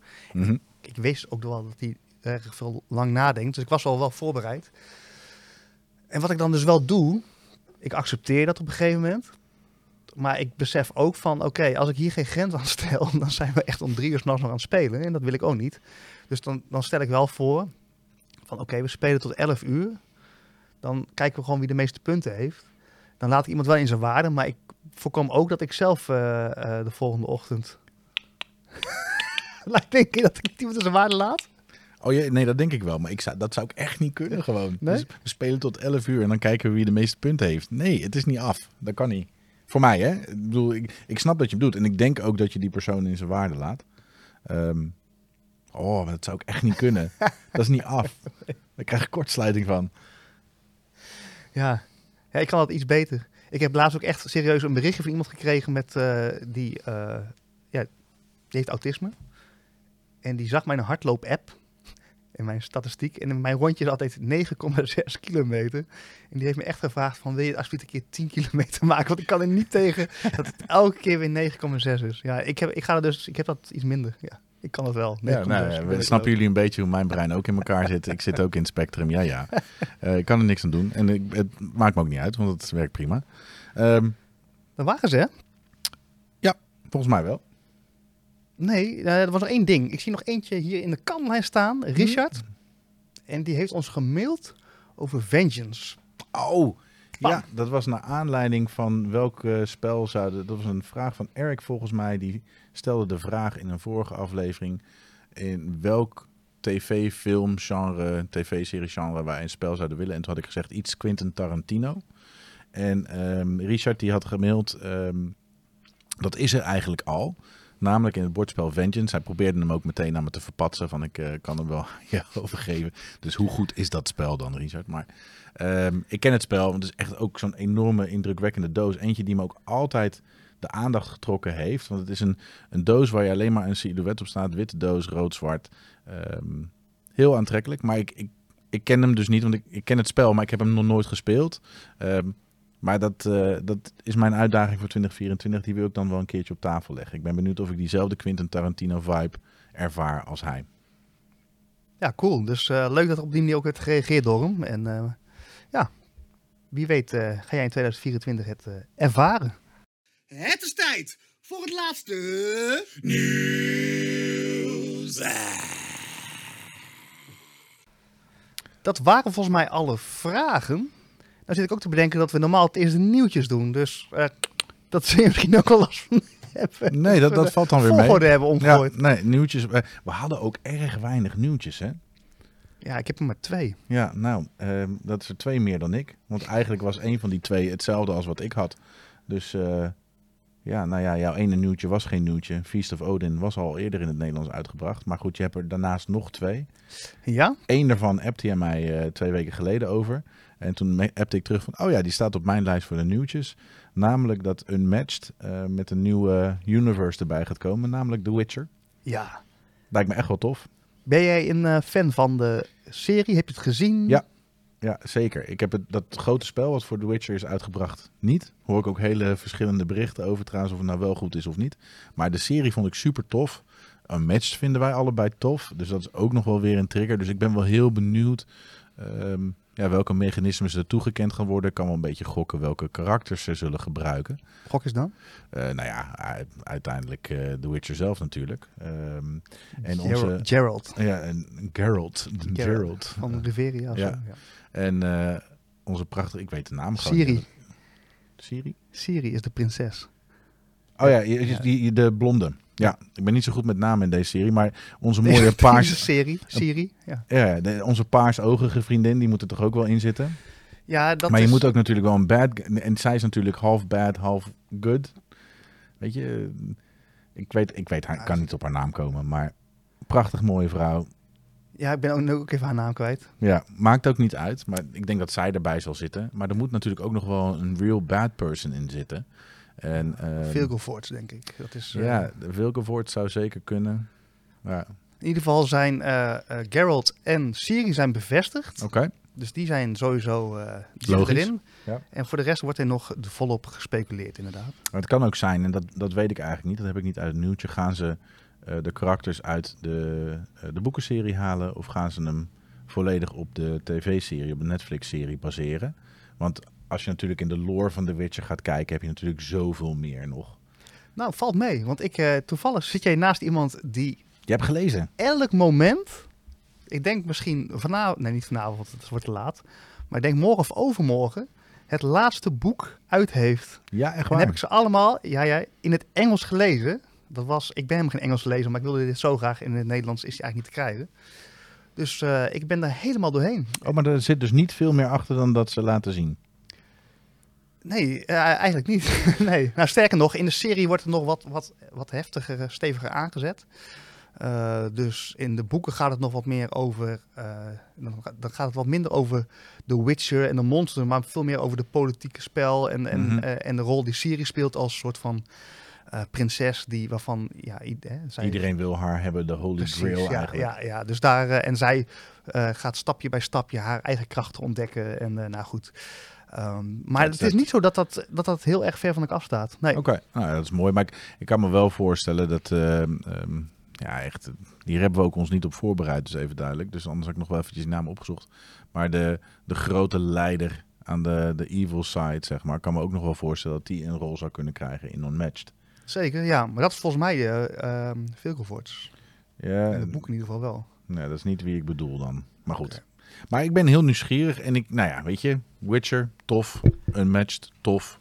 Moet volgens mij een goede combinatie zijn. Ja, en overigens, jij zei net over dat andere spel, hè? Dus dat is The Witcher Old World. En uh, ik heb vandaag mijn top 5 van spellen uit 2023 gelanceerd op mijn YouTube-kanaal. Even een plug daarvoor. En alvast een spoiler, wat staat er op nummer 4? The Witcher Old World. Oké. Okay. Fantastisch spel. Ja? Ja. Wel met twee personen. Of drie. Spelen niet met meer, want dan zit je tot 6 uur s ochtends. Want het is beurtje, beurtje, beurtje. Of te veel. Uh... Ja, het zijn vrij lange beurten. Hm. Uh, dus als jij aan de beurt bent, dan uh, ga jij verschillende onderdelen op dat bord lopen. En dan komt er nog een stukje verhaallijn waarin je keuze moet gaan maken. Dus je bent zo vijf, zes minuutjes bezig met een beurt. Dus als je met z'n vieren zit, ja. dat wordt heel erg lang. Ja. Overigens, de, nog terugkomend op de vraag van Guido, waar kijk ik uit naar 2024? Voor de aflevering zeiden we, gaan we in 2024 tenminste ook spellen spelen? Uh, dat hebben we afgesproken. Um, niet meer in de drukte van de dag. Um, maar ons probleem is altijd, we moeten data prikken. Dat je bedoelt wij samen spelen? Ja, wij, ja, wij, wij moeten nog steeds spelen. een keer een spel spelen, ja. Ja, Dobbelland kan toch niet het enige zijn uh, uh, waar we het mee doen?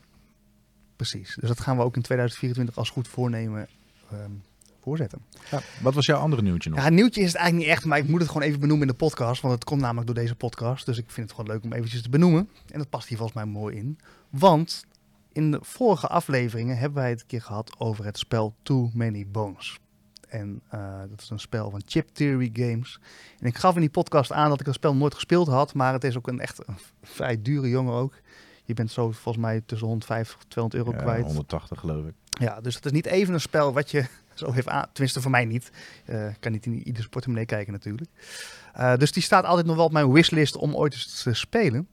En toen kreeg ik gewoon echt, iets van een week of twee geleden, vanuit het niets een, uh, een vriendschapsverzoek ehm, door Fabian Buis, een luisteraar van de podcast, die mij gewoon eventjes een bericht stuurde met, hoi, ik ben Fabian, ik luister de podcast. Ik hoorde over Too Many Bones en ik heb het hier liggen en ik stuur het graag eens naar je toe, zodat je het kan uh, spelen en kan ontdekken. Ja, leen het maar even. Leen het maar even. Hoe vet is dat? Ja, echt super tof. Geeft ook weer aan hoe toffe community we hebben. Hè? Ja, maar dat vind ik echt. Ja, ik zou ook tegen hem van in deze tijden waarin hè, veel oorlog en veel ellende natuurlijk, dan zijn dit van die momenten dat je gewoon denkt van, oh, het komt wel goed met de mensheid. Gewoon dat je dat iemand je dat gewoon gunt. En ik bedoel, ik ken hem helemaal niet, hè? Nee, en, en dit is ook het leermomentje van jou van 2023. Uh, leren ontvangen. Ja, leren ontvangen inderdaad.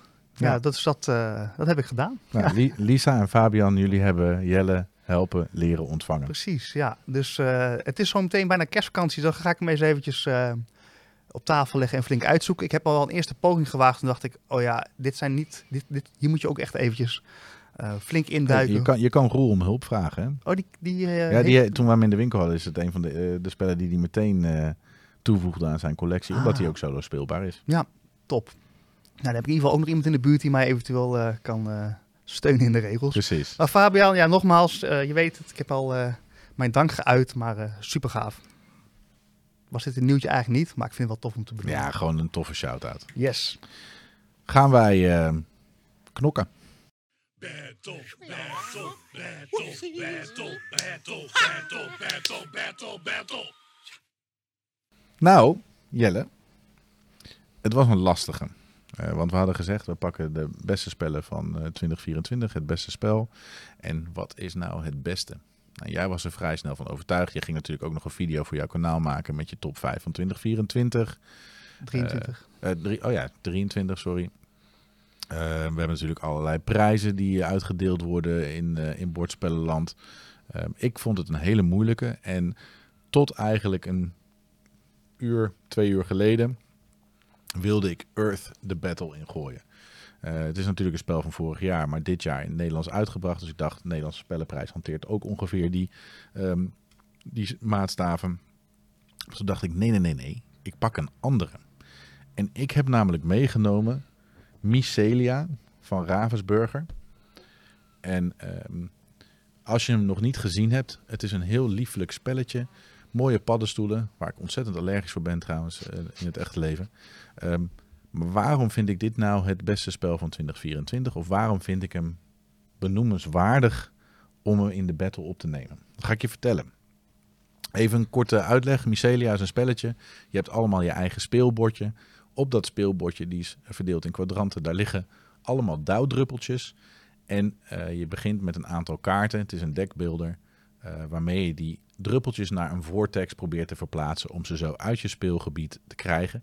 En de eerste die dat voor elkaar krijgt, die heeft het spel gewonnen. Elke keer als je een druppeltje naar die vortex plaatst, dan leg je hem op een, ja, een, een kleine stellage die ook fysiek op tafel staat, eh, waar ook een dobbelsteen op ligt. En als die vol zit, afhankelijk van het aantal spelers, verandert dat hoe vol die is. Dan draai je aan dat bovenste rad en dan vallen al die dru- druppels, inclusief die dobbelsteen, in een kleine dice tower naar beneden, weer naar buiten. En wat er door die dobbelsteen gegooid is, is de plekken waar weer nieuwe dauwdruppels terugkomen. Dus je kan wel als een malle gaan schuiven naar die vortex toe. Ehm, maar dat gaat je waarschijnlijk niet de overwinning opleveren. Een beetje planning. Welke kaarten ga je toevoegen aan je deck? Eh, bijvoorbeeld er zijn kaarten die ervoor zorgen dat je rechtstreeks vanaf een bepaald vakje in één keer naar die vortex kan. Eh, wordt het toch een heel stiekem een, heel, een hele leuke deckbuilder. Waarom wil ik hem nou in de battle noemen? Dit is nou zo'n spelmechanisme waar ik gelukkig van word. Dus dat is voor straks al een kleine, een kleine knipoog. Maar het kan op een hele makkelijke, toegankelijke manier mensen aan het dekbeelden krijgen. Anders dan artisjokken dat kan. Het kleine kaartspelletje. En dit kan dus voor veel mensen de gateway zijn, de brug naar de wat grotere dekbeelders zoals een Clank of een The Hunger. Hmm. En ik vind hem gewoon super gaaf. Het is niet normaal hoe die ontvangen wordt. Als wij hem eh, op tafel leggen en het wordt gespeeld door mensen. Mensen blijven kijken door de kleuren, door wat er fysiek gebeurt op tafel. Dus het is gewoon een, eh, een spel wat gewoon aanspreekt. En daarom vind ik dat hij deze plek in de battle verdient. En ik was het even vergeten, maar hoe vaak had je hem ook weer gespeeld dit jaar? Ja, nul keer gelogd. Dat was dus de grap. Maar ik heb hem inmiddels vier keer gespeeld. En ehm, ik zal ook heel eerlijk bekennen, in eerste instantie heb ik hem links laten liggen, omdat ik dacht dat het gewoon een beetje te liefelijk en te familie was. Hmm. Eh, maar ik vind hem echt heel erg leuk. Ik zie hem ook, ja, ik kan de achterkant van de doos natuurlijk zien. Ik heb hem niet gespeeld.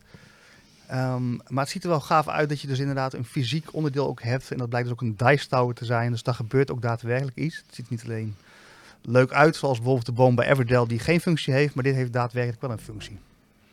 Wat betekent eigenlijk mycelia? Ja, volgens mij is het een type paddenstoel. En ik heb eventjes voor de kijkers thuis de, de minieme dice tower op tafel gezet. En je draait hierboven aan dit rad. Wik, wik, wik, wik, Ja, inderdaad, mijn, mijn kleine DJ-tafel. Waardoor alles hier invalt en aan deze kant zo eruit rolt. En eh, je dus en je dobbelsteen gerold hebt en al je dauwdruppels weer in de voorraad liggen. Super, eigenlijk ogenschijnlijk simpel detail. Maar dat maakt de speelervaring leuk. En waarom ik dit dus tof vind, het helpt mensen een keer wat anders te spelen. Hoe vaker wel niet mensen zijn in de winkel die zeggen: Ja, ik ben best wel een enorme spel. eh, ik speel best wel veel spellen. En dan toch blijven hangen bij Catan en Carcassonne. Vind ik jammer. Dus dan vind ik zo'n spel als Mycelia. hey, leuke prijs, leuk spel, leuk mechanisme. Dit kan mensen weer eh, wat nieuwe deuren openen. Mooi pleidooi. Ja, toch? Wel jammer dat het natuurlijk nooit gaat winnen tegen het spel wat ik ga inbrengen. dat, is, dat is ook wel st- je standaard tekst. hè. Ik kan nooit winnen. Maar goed, kom maar door. Nou, het spel en wat ik dus ga inbrengen. Heb je het meegenomen? mijn, eh, nou, dat was helaas, eh dat kon niet, want was te zwaar. Dat was te groot. ik ben het vergeten, maar ik zal even letten op. Plunk! Als het goed is heb ik hier nou ingeëdit dat hij hier nou op tafel staat door middel van een, eh, een afbeelding die ik heb geript van Google. Maar dat is de Castles of Burgundy en dan de deluxe editie, die dus dit jaar is uitgekomen. En ja, de Castles of Burgundy Van Alea, toch? van Alea, De, de, de uitgever? dat durf ik niet te Ook, vol- volgens mij namelijk ook Ravensburger. Echt? Ja, volgens mij. ja, ga, ga door. Oké, Check ja, ik dat, even. dat weet ik niet. Maar de Castle of Burgundy is echt een klassieker. Hè? Die heeft zich qua spelmechanisme en of het een leuk spel is, echt gewoon keihard bewezen. In tegenstelling tot Mycelia, die net komt kijken. Dus daar is eigenlijk iedereen het erover eens. Het is een topspel. Ik ben ook echt van mening dat iedereen die ook maar iets met deze hobby te maken heeft en denkt van ik vind bordspellen leuk, zou eigenlijk gewoon dit spel in zijn kast moeten hebben staan. Omdat die ook heel erg toegankelijk is. Overigens inderdaad ook Ravensburger. Dat was Ale- de oude editie. Alea, ja, maar volgens mij is die titel nog wel steeds bij Alea te Als je pakken hoor. nou de luxe editie doet, vraag me ik ook- af of ik ook de doen. dia die je daar ziet, dat is hem. Nog steeds van Alea. Oké, Maar eh, toeval. hij is van Alea. Dat betekent dus ook dat ook zij eh voelde van, ja, dit spel, hier hebben wij gewoon heel veel waarde in onze hand en dat gaan we gewoon nog een stapje verder brengen. Dus dan zie je ook dat, gewoon, dat het door iedereen gedragen wordt. Mhm, mhm. Maar het leuke van de Castle Burgundy is dat het echt een oerzaai thema heeft, namelijk kastelen. Ja, sorry, ik heb er helemaal niks mee. En daarom heb ik dit spel dus ook echt jarenlang naast me laten liggen. Tot ik op een gegeven moment dacht van, ik ga het eens aanschaffen. En het was dus de versie, voor deze deluxe versie. Ik heb hem al wel eens besproken in de podcast volgens mij. En het is gewoon een gigantisch gaaf spelmechanisme. En eigenlijk is het gewoon, je hebt een bordje met allerlei kleuren erop en getallen. En het is een soort van race om zo snel mogelijk jouw bordje vol te krijgen met tegeltjes die je vanaf het midden van het bord kunt pakken. En doe je dat als eerste, dan krijg je de meeste punten. Doe je dat in de eerdere rondes, kan je daar ook meer punten voor krijgen. Dus ja, je, je wil gewoon lekker aan de slag met het bouwen van je eigen stad eigenlijk. Maar het leuke is dat er maar vier acties zijn. Dus ik kan het spel kan ik nu gewoon, het is best wel een grote doos, zeker die deluxe eh, versie. Maar kan je nu gewoon in, één, in 10 seconden het spel uitleggen. Je hebt twee dobbelstenen en als je in de beurt bent, kan je met één dobbelsteen iets doen. En je hebt maar vier opties. Namelijk, je pakt een tegel van het midden van het bord en die leg je in jouw eigen voorraadplek. Optie 2 is, je pakt de tegel van je voorraadplek en die leg je op jouw spelersbordje. Optie 3 is, je doet een verkoopactie. En optie 4 is, je levert een dobbelsteen in om twee werkers te krijgen waarmee je de dobbelstenen kunt beïnvloeden. Dit is het enige wat je kunt doen in een spel. Dus mensen die, net als bij Mycelia, in de hobby komen en denken van... Oh, ik zou wel een stapje verder willen. Mits je met iemand gaat spelen die het spel kent, want ik denk dat het handig is als iemand het uitlegt, heb je exact hetzelfde niveau als wat je bij Mycelia hebt. Je kunt mensen een geweldig, snelle, gave spelervaring geven. En ze hebben echt het gevoel dat ze een, een flink spel aan het spelen zijn. Met ontzettend veel interactie en ehm, diepgang. Dus ja, eigenlijk precies hetzelfde wat Mycelia doet. Maar dan nog eventjes net drie stapjes verder. En ook nog eens in een deluxe uitvoering. Dus je hebt ook echt het idee dat je met een premium kwaliteit product aan de slag bent. Ja, wat wil je nog meer? Ehm, wanneer ga je auto's verkopen? Ik hou niet van auto's. Nee, maar je, volgens mij kan je het. ik zou het eens proberen. ik vind het een mooi verhaal. Nou ja, kijk, ik snap niet dat je een battle met het beste spel van, van 23 komt met een spel wat al ontzettend oud is. Bij default zou je wat mij betreft al niet kunnen winnen. En ja, ik snap dat die in een nieuw jasje is gestoken. Ja, ik snap dat dit de luxe versie is die nog nooit eerder vertoond was. Maar het spel is natuurlijk oud. Luc, als ik jou nu de mogelijkheid zou geven dat ik zeg, hier heb ik een knop, dan kan je een tijdmachine in. Dan geef ik jou de tijd om twee jaar terug te reizen in de tijd. En dan zou ik tegen jou willen zeggen, wil jij voor mij eventjes het spel Castles of Burgundy, de deluxe editie, voor mij ophalen? Was dat mogelijk geweest? Nee. Precies. Dus, het is geen oud spel. Het is een spel wat dit jaar is uitgekomen. Het is een nieuwe uitgave van een spel. Ja. Dus ik, ik accepteer hem als mogelijke kandidaat voor deze categorie, voor deze battle. Maar ik vind, heel eerlijk gezegd, ehm, je, je gaf ook als argument.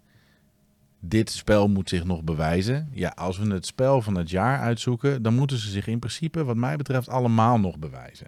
En die van jou heeft zich bewezen omdat hij al jaren eh, fans heeft kunnen ver- vergaren. En eh, ik weet niet, dat is misschien wel een interessante die ik zou willen weten, maar misschien heb je daar het antwoord niet op. Zijn er bijvoorbeeld nog flaws uit het spel gehaald met die hernieuwde uitgave, waardoor die nog beter loopt? Dat soort Zeker. zaken? Ja. ja, Maar, ja. maar kom maar, want daar ben ik dan wel nieuwsgierig naar. Nou ja, een groot nadeel van, eh, van het spel was altijd dat... eh, kijk, ik, ik leg net eventjes die vier stapjes uit. Die zijn heel makkelijk. Maar vervolgens doen tegels ook nog van alles. Eh, die geven jou speciale eigenschappen. En nou goed, Een beetje engine building dan? kan. Als je bepaalde tegels koopt, kun je een engine beelden. Maar je kunt ook voor kiezen om daar helemaal niet op in te zetten. Dus daar zijn verschillende keuzes voor. Maar als jij wilde weten wat die desbetreffende tegel zou doen... stond er een heel klein nummertje op. En die moest je nog opzoeken in een boekje. En dan, eh, ja, na drie keer spelen had je dan wel door wat zo'n gebouwtje betekende. Maar goed, het was natuurlijk veel zoekwerk. Nu hebben ze die tegels gewoon, eh, hebben ze het achter op die tegel gedrukt. in een korte samenvatting. Dus nu hoef je alleen maar het tegeltje om te draaien en je weet wat het gebouwtje doet. Dus speltechnisch wordt er niet heel veel veranderd. Maar ze hebben het wel, als je het hebt over de Gebruiksvriendelijker. gebruiksvriendelijke veel gemaakt. Het ziet er veel mooier uit. Wat gewoon super gaaf is, dat je nu een spelersbordje hebt. En die, die tegeltjes leg je in een soort van raster. Met, die zijn iets verhoogd. Double layer. Dus als jij bijvoorbeeld eh, flink zou niezen in de vorige editie en je doet dat iets te enthousiast, dan blaas je zo jouw eh, tegeltjes uit vorm. Speelde jij die vorige editie ook al of ben je er nu mee in aanraking gekomen? Nee, die vorige, die, eh, dat Ja, was ja. wel een van mijn. Dus het was voor jou een upgrade eigenlijk om deze in je collectie toe te voegen. Ja. Ja. En toen hij dus op, misschien wel een leuke anekdote. Toen hij een jaar geleden op Kickstarter werd aangekondigd, ben ik naar Charda toe gegaan. Want wij spelen het spel eh, regelmatig samen. Heel leuk ook met ons tweeën te spelen. Toen zei ik, moet je kijken. Wat een vette uitgave van de Castle Burgundy. Dat je dus ook de kastelen zijn in dit geval 3D geprint. Dus je hebt echt een kasteeltje op jouw bordje staan. Mhm. Hoe vet is dat? En toen zag ze die prijs en keek ze hem aan en zei ze... Je gaat toch niet... We hebben dit spel al. Wat jij nu eigenlijk ook zegt. Van ja, we hebben dit spel. Waarom zouden we dit geld gaan uitgeven? Of we, eigenlijk ik. Het spel is Wat, uitgegeven. wat kostte die? Want jij doet niks op Kickstarter. Nee, nu kostte die... Ja, ik heb nu... eh, wat ik altijd doe... Kan ik wel eh, ik kijk altijd eerst of jij hem verkoopt. Maar best wel vaak heb jij ook spellen die, jij- die ik graag wil die jij niet verkoopt. Mhm. Eh, en toen ben ik verder gaan kijken. En toen heeft Guido, vriend van de podcast, mij eh, gezegd van... nou, ik weet wel een Belgische site waar je hem dus re- relatief goedkoop... volgens mij was die 138 euro De spelvogel. kopen. Nee, Oh. stoomboxen. Oh ja, die, eh, ook een eh, goede webshop inderdaad. Nou ja, ik, ik had nog niet van gehoord, maar hij had er positieve ervaring mee. Dus dacht ik, probeer het ook. Tof logo. dus ehm, dus eh, daar heb ik hem besteld, 138 euro. Maar dat is best duur voor een spel wat je eigenlijk al hebt, toch? ja, zeker. Maar nu komt het. Ik heb het dus toen niet eh, gekocht. Nu laatst had Guido het dus eh, gekocht. En wij zijn natuurlijk naar het spellenspectakel geweest. Dus wij hebben nog wel wat contact. Dus die had dit spel gekocht. Dus toen liet ik weer aan Charda zien, een jaar later. Van kijk, Guido heeft hem. En zo ziet het eruit. Kijk ze hem aan, zegt ze. Hè? Heb jij dit echt tegen mij gezegd? Dit wil ik heel graag hebben. ja. En toen zei ik van, maar ik heb dit vorig jaar gezegd. Toen zei ze, heb je me waarschijnlijk op verkeerd moment gevraagd. Ja, jongen, jongen, jongen, jongen. dit is zo mooi herkenbaar. Ja. Als je, het kan zomaar veranderen als je het op het ene of het andere moment vraagt. Blijkbaar, ja. Ja. Dus, eh, Dus, ja. dus let op mensen. Eh, aan, wie je, aan wie je ook dingen vraagt waar je zelf iets in nodig hebt, kies de goede momenten uit. Want het maakt dus schijnbaar uit als je in ieder geval, in jouw geval Charda, een jaar later vraagt om toch heel veel geld uit te geven. precies. Maar goed, voor de eh, battle is het dus wel een belangrijk feitje dat zelfs Tjara die sceptisch was over moet je nou wel extra geld gaan uitgeven om die deluxe te krijgen, is nou volmondig open. En, we hebben het al, denk ik, nu samen wel vier keer gespeeld. Ja, het is echt een feestje op tafel. En eh beide zijn we heel erg blij hiermee. Vind ik wel tevens een argument voor mijn spel. Eh Mycelia is voor een kleine 30 euro aan je collectie toe te voegen. Eh, het brengt mensen aan het spelen. Want ik denk namelijk dat de Castle, Castles of Burgundy in zijn complexiteit niet voor iedereen toegankelijk genoeg is. En dat kan juist zijn dat je voor die niche gaat en dat je voor die, die, die wat meer aan de expert-categorie wil spelen. Ehm, maar daarom vind ik Mycelia gewoon zo'n ontzettend toffe uitgave. Hij verraste me ook. Ik denk dat ik hem daarom op het laatste moment gewisseld heb met Earth. Ehm, hij verraste me zo ontzettend leuk met de toegankelijkheid en tegelijkertijd ook de diepgang. Dus je kunt ook nog wat moeilijkere kaarten toevoegen. Dat er wat eh, strengere regels komen, zodat mensen echt dat deckbuilding principe ingelokt worden. voor een prijs die de bank niet breekt. Eh, want voor jou, eh, Castles of Burgundy, kan ik bijna vier eh Mycelia's kopen. Ehm, ja, vind ik dat deze toch echt voor de win gaat. Nou dan speciaal voor deze battle zal ik dan het, even het volgende aanbieden. Eh, voor 30 euro kun je dus inderdaad Mycelia kopen. Maar ik heb dus de vorige editie van de Castles of Burgundy, bijna hetzelfde spel. Die moet ik nog verkopen. Dus bij deze verkoop ik hem voor degene die als eerste reageert voor 25 euro exclusieve zendkosten. dus je kunt er ook voor kiezen om in plaats van Mycelia voor 30 euro nu ook voor 25 euro dit fantastische spel te hebben. Ja, maar dit, dit is toch gewoon... Je gooit het gewoon... Je geeft het bijna gratis weg. Zo tof vind je dat spel. Als het echt een toevoeging was, als je echt zo'n fan was van het spel, dan wilde je allebei de versies bewaren. Want dit is toch zo'n tof spel. Daar moet je gewoon die evergreen die het is en zijn grote broer in de luxe uitvoering, die wil je naast elkaar in de kast hebben staan. En jij denkt, laat maar zitten, eh, bel me en je mag het hebben. Nou, hij was laatst dus te koop eh, ergens online zag ik hem voor 30 euro nieuw. Dus ik moet daaronder gaan zitten. Dus 25 euro. Dat is één punt. En eh, ja, om deze battle te winnen is me dat heel veel geld waard. Ja, dus Ja, eh, ja, dat snap ik. 25 euro. Maar ik ga meteen eh, even kijken. Castles of Burgundy. Ehm, tegelijkertijd zeg jij, dit is het spel. Over de gewone Castles of Burgundy. Hier zie ik voor eh, 51 euro bol.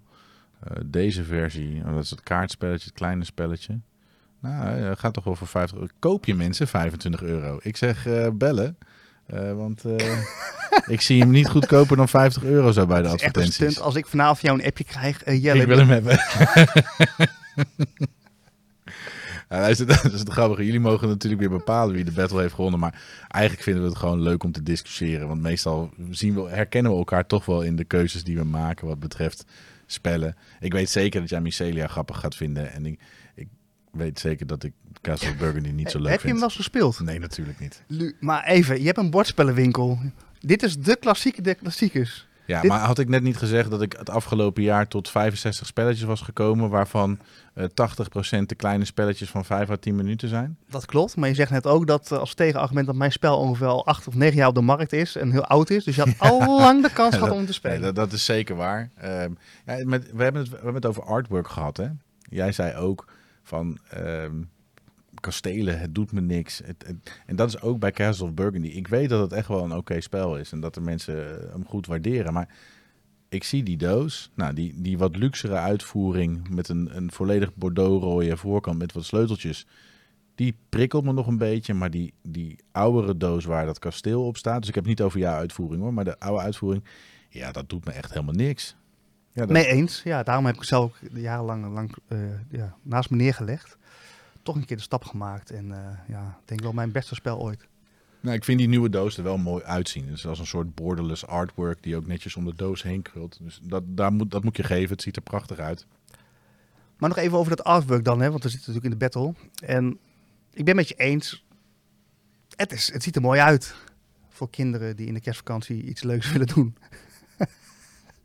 Nee, maar dit is precies de reden waarom ik hem links heb laten liggen, Mycelia. Want jij gaat nu flauw doen over eh, de, de cartooneske eh, paddenstoeltjes die erop staan. Ehm, en eh, de lieflijke libelle die hier met een paddenstoel op zijn rug wegvliegt. Die had ik nog niet eens eerder gezien. En het roze, de lieflijke kleurtjes.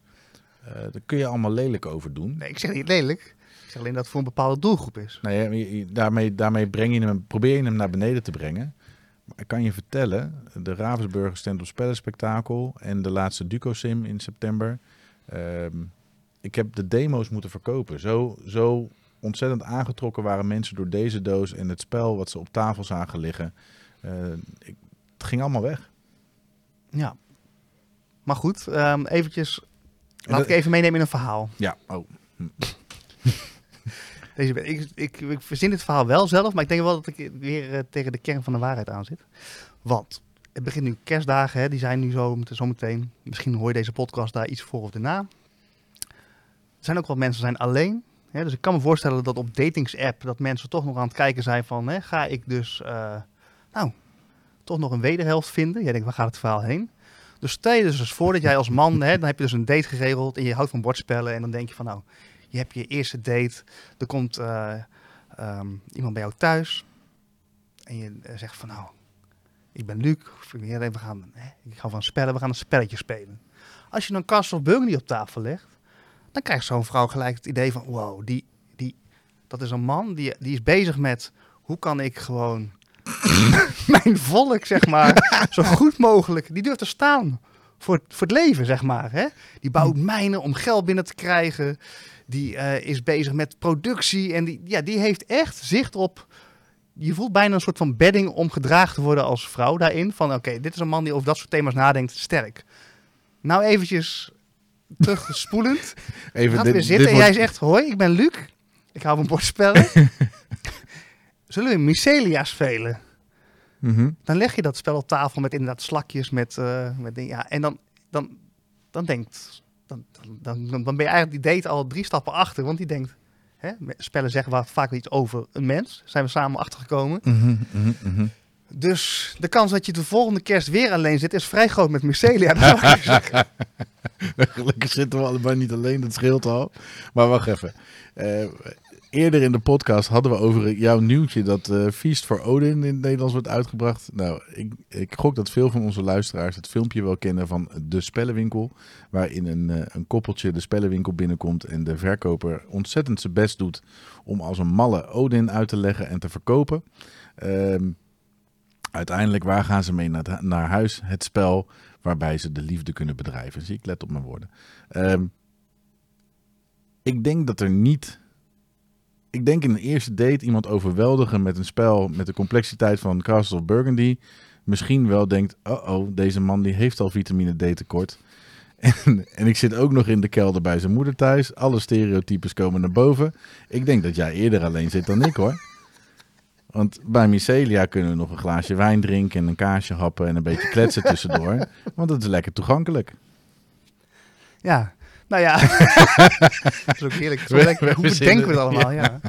Nou ja, laat vooral even weten in de comments. Denk jij dat inderdaad een date meer geslaagd is met een Castle of Burgundy? Hè? Ook op lange termijn bedoel ik dan een relatie. Dus niet alleen even een one-night stand met een leuk kaasje en een Myceliaatje. Maar echt gronding gewoon. Dat kan overigens ook met Feast for Odin, weet je wel. Die denkt dan van, oh, ik weet niet waar het spel over ging. Maar het ging al gewoon over de god Odin en vikingen en, en een maal en rah. Nou, Nou. Ik, ik wil dus eigenlijk weten van onze vrouwelijke luisteraars. Zou je het leuk vinden als Jelle op de eerste date Castles of Burgundy neerlegt? Of speel je liever iets gezelligers, leukers, lichters en speel je Mycelia? En het gaat niet om Jelle of mij, het gaat echt om de spellen, want dan krijgen we een hele foute vraag. Het gaat om de spellen in dit geval. Ehm, nou ja, Ja, mooie battle eh, Jelle. ja ik, Hoe weer- verzinnen we het weer? Oké. We laten, ja, la- laten we de battle hier maar afsluiten. Eh, Mijn hoofd gaat nog steeds op zoek naar nog meer haakjes, maar misschien is het goed als we het hierbij laten. Ja, ja. Ja, Kijk, we, we gaan natuurlijk nu komen eh, bij het ontzettende moeilijke onderwerp wat we onszelf gegeven hebben. En dat heeft te maken met een, vragen die in het eh, verleden zijn teruggekomen bij de podcast. Ehm, er werd bijvoorbeeld een keer gevraagd van als jullie een spel benoemen, eh, leg- zeg dan in een paar regels waar het spel over gaat. En dat proberen we steeds meer te doen, zonder dat we een uitleg eh, gaan, echt een, een playthrough gaan geven, want dat willen we niet. Ehm, maar we kwamen wel, eh, we hebben het gehad over Eurogames versus Ameritrash. Maar spelmechanismes zijn natuurlijk heel erg bepaald in bordspellenland. En toen dachten wij bij de vorige aflevering, we gaan een aflevering maken waarin wij spelmechanismes gaan bespreken. Ehm, waarin we het gaan hebben over wat onze favoriete spelmechanismes zijn. Dus daar gaat onze top 3 strakjes over. Eh, maar dat was echt Pandora's box die open ging. En we zeiden ook tegen elkaar bij het maken van de vorige, we moeten wel even huiswerk doen. Nou, dat hebben we geweten. Ja, dat bleek nog niet zo eh, makkelijk, omdat de ene vraag, wat voor bordspelmechanismen zijn er eigenlijk? Ja, een soort van, eh, inderdaad, doos van Pandora opentrok en daar ontzettend veel over geschreven. En nou, ik kwam dus inderdaad op een, op een lijst van 191 eh, mechanismes. Ja, dat is dus niet echt goed uit te leggen. Maar ik denk dat het wel goed is, want ik hoor ook al in deze podcast heb ik al een keer gehad over dekbeelden. Eh, en, dat, en dan praten we daar maar gewoon overheen. Maar er zullen ook luisteraars zijn die relatief nieuw in de hobby zijn. En dus ja, misschien met de meest veelkomende termen ook nog niet echt goed weten wat het precies is. Dus het is denk ik wel goed om toch gewoon eens even een beetje de, de meest bekende erbij te pakken. En daar gewoon eens eventjes doorheen te lopen. En ik kwam op een super tof artikel in mijn huiswerk van eh, Jasper, Jasper McChesney. eh, vorig jaar in november geschreven. Als je zoekt op Trends in Board Game Mechanics, an analysis of Board Game Geek data. eh, krijg je eigenlijk best wel een hele leuke 10 minuten read van eh, allerlei data die hij van het web heeft getrokken om te kijken wat voor mechanismes hebben we nou. Maar ook over welke mechanismes komen het meeste voort in, voor in bordspellen. De complexiteit, het feit dat heel veel bordspellen mechanismes combineren. Is een ontzettend leuk artikel en ehm, daar ga ik jullie zo meteen in ieder geval met een paar dingetjes meenemen.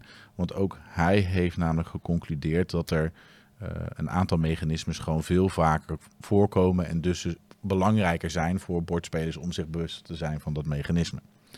Ehm, dat gezegd hebbende, ik vroeg jou, in zijn lijst is een mooie statistiek over welke mechanismes het vaakst voorkomen in eh, bordspellen. En toen ik daarover nadacht, ik weet niet waarom, dacht mijn speelervaring worker placement is een van de meest voorkomende bordspelmechanismes. Worker placements, even voor de duidelijkheid. Je hebt een aantal pionnetjes, meeples, werkers, hoe je ze ook noemt. En die zet je in op jouw bord om bepaalde acties te laten uitvoeren. En zijn jouw workers op, dan is de ronde of jouw beurt klaar. Even heel, heel plat geslagen worker placement. Nou, die staat dus niet eens in de top 10. Ja, bizar hè? Want ik zou ook denken dat die eigenlijk op nummer 1 zou staan. Ja, totaal niet. Ik, ik zal even kijken of ik snel kan zien waar die staat. Worker placement wordt maar in 6,8% volgens dit onderzoek. Hè, in 6,8% van de spellen die er zijn op Boardgame Geek als mechanisme toegevoegd. Hmm.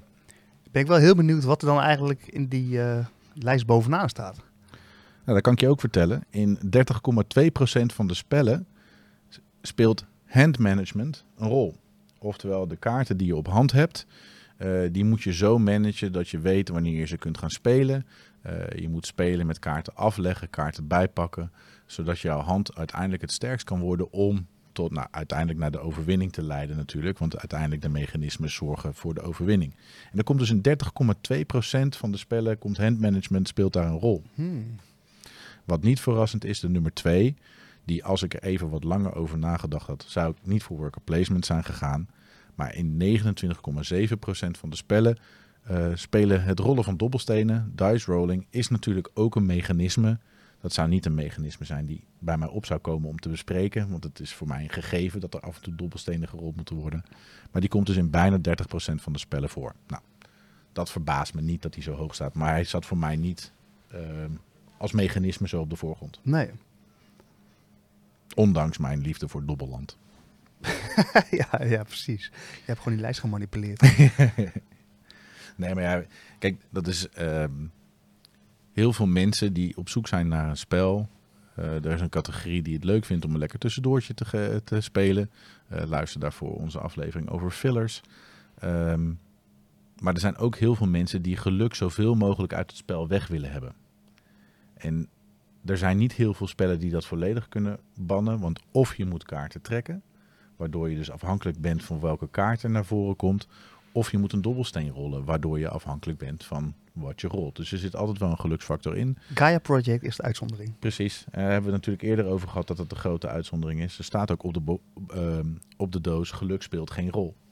De reden waarom mijn zwager hem toen gekocht heeft. Ja. En waarom die een hekel heeft aan andere spellen, omdat geluk een rol speelt. Maar goed, ehm, eh, wat waren jouw bevindingen en welke mechanismes zou jij graag willen bespreken? Nou ja, wat mijn bevindingen eigenlijk zijn, is dat ik erachter kwam dat eigenlijk elke term in het Engels is. Dat is ook wel een interessante. Dat is natuurlijk ook in onze podcast komt naar voren. Hè? Dus dat, het feit dat ik gewoon zeg, oh, dat is een deck beelden of eh, draften. Hè? Dus dat je een eh, kaart uit iemands hand pakt. Ja, er staan best wel veel Engelse termen. Ik, ik viel me ook op dat eigenlijk dat soort termen dus ook niet in het Nederlands, dat we die vertalen. Of heb jij daar een ander idee over? Nee, dat, dat klopt wel een beetje. Ja, en met mijn brein is dat sowieso lastig. Want ja, Engels-Nederlands is voor Ja. mij inwisselbaar wat dat betreft. Ehm, maar dat klopt wel. En ja, het nut van het vertalen, ja, handmanagement, ja, blijft een beetje hetzelfde natuurlijk. Eh, ik zit zo door die lijst heen te kijken. Eh, het is overigens wel ook waar ik soms mee worstel als ik een eh, vertaling naar me toe geschoven krijg. Ehm, toevallig in de afgelopen maanden weer een paar leuke spellen kunnen vertalen. Ehm, ja, hoe vertaal je dat? Action points, vertalen we dat als actiepunten? Weet je, eigenlijk voelt dat voor mij soms een beetje eh, vreemd. Dus soms bel ik dan even met de opdrachtgever van, joh, eh, wat wil je? Wil je dat ik hem wel vertaal of niet? Ja. Ja, maar dat, dat klopt. Het is in mijn ervaring ook eh, heel veel ja, Engelstalig. En de enige keren dat we ze wel vertalen is als het Nederlandse woord dicht bij het Engels zit. Dus bluffing wordt gewoon bluffen. Ja. Dat. Ja. Oké, nou ja, en ik heb dus een lijstje opgesteld waarvan, dus inderdaad, als ik ze dan door ging kijken, dacht ik, nou, dat is misschien wel interessant om die gewoon eventjes kort toe te lichten en dat Mhm. mensen daar toch een beeld van krijgen. Ja. Even vanuit het idee van, ja, je komt echt net nieuw in de hobby, eh, je hoort soms termen waar je denkt van, waar gaat het over? En nou ja, en misschien wel de, de bekendste, heb je eigenlijk net benoemd, hè, dus de, de worker placement. En dat is ook mijn start denk ik wel geweest in toen ik dacht van, hé, hey, wat voor eh, spellen zijn er nog meer naast eh, Monopoly en dergelijke. Mhm. En dat gaf me ook wel een soort van overzicht en rust. Dus het, het principe inderdaad van, je hebt een aantal speelstukken, werkers of meeples of hoe je ze ook noemt. Mhm. En die kun je dan vaak naar hele concrete plekken op een bord zetten. Eh, Een voorbeeld voor- uit het spel eh, Agricola bijvoorbeeld. Dan pak je dus een werker en die zet je op het plekje drie hout. Dan krijg jij die beurt uit de voorraad drie hout. En heel vaak in dat soort spellen is dat ook eigenlijk gewoon wat er dan gebeurt. Er zijn best wel veel concrete plekken waar je concrete resources, eh, ook weer Engels woord trouwens, maar ehm, Grondstoffen. grondstoffen kunt ophalen. En hoewel die spellen vaak wat complexer ogen, omdat er best wel veel van dat soort plekken zijn. En je moet gaan nadenken over wat voor strategie kan ik daarop gaan toepassen om zo goed mogelijk het spel te gaan spelen. Vind ik de opzet van, ik zet mijn werker op een plek en dan gebeurt iets en ik kan vaak al, eh, ook al qua afbeeldingen zien wat ik krijg, hè, dat het best wel eh, lucht geeft in mijn hoofd. Dat mechanisme. Ja. Herken je dat? Eh, zeker. En- En, dat is waar mensen vaak tegenaan lopen. Hè? Als je mensen die drempel over wil halen naar een iets complexer spelmechanisme of een complexer spel. eh, mensen zijn vaak overweldigd door de hoeveelheid die er op hen afkomt. Eh, het feit dat de YouTubers zoals jij en Bastiaan rondlopen, die mensen door middel van een uitlegfilmpje eh, die drempel overhelpen, ehm, maakt, toe- maakt de bordspellencommunity toegankelijker. Want vroeger, en dat is waarom er denk ik ook minder spellen waren, Wanneer leerde je een nieuw spel als iemand anders het kwam uitleggen? Want Ja. de meeste mensen hebben geen zin om twee uur te lezen in een handleiding om vervolgens ook nog de interpretatie te moeten doen om dat spel ook nog eens goed te kunnen uitleggen. En als dus iets recht door zee is, worker placement, je weet het, ik zet daar iets in, het is visueel haalbaar, zichtbaar wat we moeten doen, dan is dat een mechanisme wat snel behaalbaar is. Maar het grappige is, resources spelen een rol, grondstoffen spelen een rol. Dus resource management is automatisch een tweede component die vaak als mechanisme in zo'n spel terugkomt. Ja. Want die worker gaat iets maken, die gaat iets ophalen. Dus ehm, we hebben, ik heb het volgens mij wel eens gezegd. De mechanismes in, in bordspellen is net zoals literatuur en muziek. Je hebt een aantal basisprincipes. En wat maakt een spel uniek? De combinatie van bepaalde mechanismes, een, een tweak in een bepaald mechanisme. Ehm, volgens mij het laatste echt nieuwe mechanisme wat ik, wat ik zo kan benoemen is backbuilding. Eh, namelijk een Orléans, maar ook een kwakzalvers. Waarbij je dus resources, ingrediënten, eh, hoe je het ook wil noemen, in een, een zakje hebt. eh, die je, waar je nieuwe dingen gaat kopen en aan dat zakje toevoegt. Hmm. Dat is voor mijn gevoel de laatste echt, het echt nieuwe mechanisme wat, eh, wat bedacht is. Ja, ja. Ik weet ook niet of er in de toekomst eh, nog echt hele baanbrekende nieuwe mechanismen worden bedacht. Maar ja, je super moeilijk. niet. Ja. Super moeilijk Ja. natuurlijk. Het meeste is wel bedacht, ja. Ook weer kudo's aan al die mensen die spellen bedenken. Hè? Ja. Dat, is, eh, dat is echt. Daar gaat zoveel tijd in zitten. Hebben we het natuurlijk ook wel eens over gehad. Maar dat is zo ontzettend knap. Want je kunt het thema bedenken, je kunt het mechanisme bedenken. Maar de hoeveelheid testuren eh, die erin gaan zitten voordat je spel gefine-tuned wordt. En zelfs nadat je denkt dat je klaar bent, eh, komen er nog weer dingen naar voren waardoor je weer aan de slag moet. ja. Maar goed, Nou ja, worker placement en je had er nog meer op jouw lijstje staan. en Wat is trouwens jouw voorbeeld van worker placement? Agricola? Ja, die had ik Agricola, ja, had ik hier neergezet. Dus dan ga je eigenlijk je eigen boerderij ga je, eh, bestieren. En eigenlijk ben je alleen maar bezig om jouw werkers, en die kun je ook vermeerderen door jouw gezin. Hè. Die werkers staan eh, symbool voor eh, jouw boerenfamilie. Je begint volgens mij met twee. Nou, die kunnen dan ook op een gegeven moment ook een kindje krijgen. Dus dan heb je drie speelstukken. En ga je dus met drie speelstukken ga jij acties uitkiezen op ja, een steeds groter wordende aanbod aan acties die je kunt kiezen. Dus hierin blijft het mechanisme weer altijd heel makkelijk van oké, het enige wat je doet is die werken op een plek zetten, maar die plekken worden steeds eh, groter qua aanbod. Je krijgt ook meer werkers, dus je kunt ook meer doen. Ja, en dan ontstaat er dus wel wat zwaarte in een spel. Maar ja, als je hem afpelt, ben je alleen maar bezig om je werk op een plek te zetten. Ja. Heb jij nog een ander goed voorbeeld van een worker placement die bij jou opkomt? Ehm, ja, Coloma is wel een, eh, een, een spel wat bij mij automatisch naar voren komt. Ook weer, er zitten veel meer mechanismes in dan alleen worker placement. Maar de basis begint met je kiest je worker, hij gaat naar een actie en dat bepaalt wat je in die ronde kan doen. Hmm.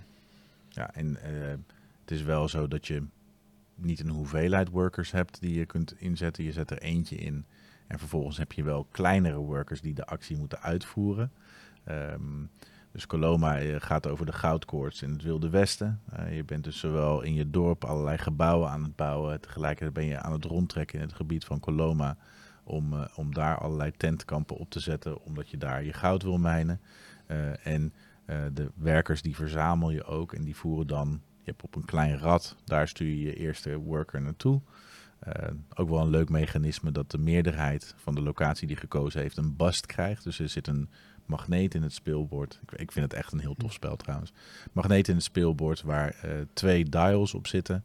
Eh, en de middelste dial, de kleine, die eh, zorgt ervoor dat één actie bedekt wordt als je daar met de meerderheid naartoe gaat. Dus je moet ook een beetje voorspellen wat de andere spelers gaan doen. Maar stel je gaat naar het gebiedje waar je je gebouwen kan bouwen, dan heb je allemaal kleine workers die je in voorgaande rondes hebt verzameld, die je moet inzetten om dat gebouw daadwerkelijk te timmeren als het ware. Dus het is een dubbel laags worker placement, maar die komt als eerste bij mij naar Mm, boven. mooi, ja.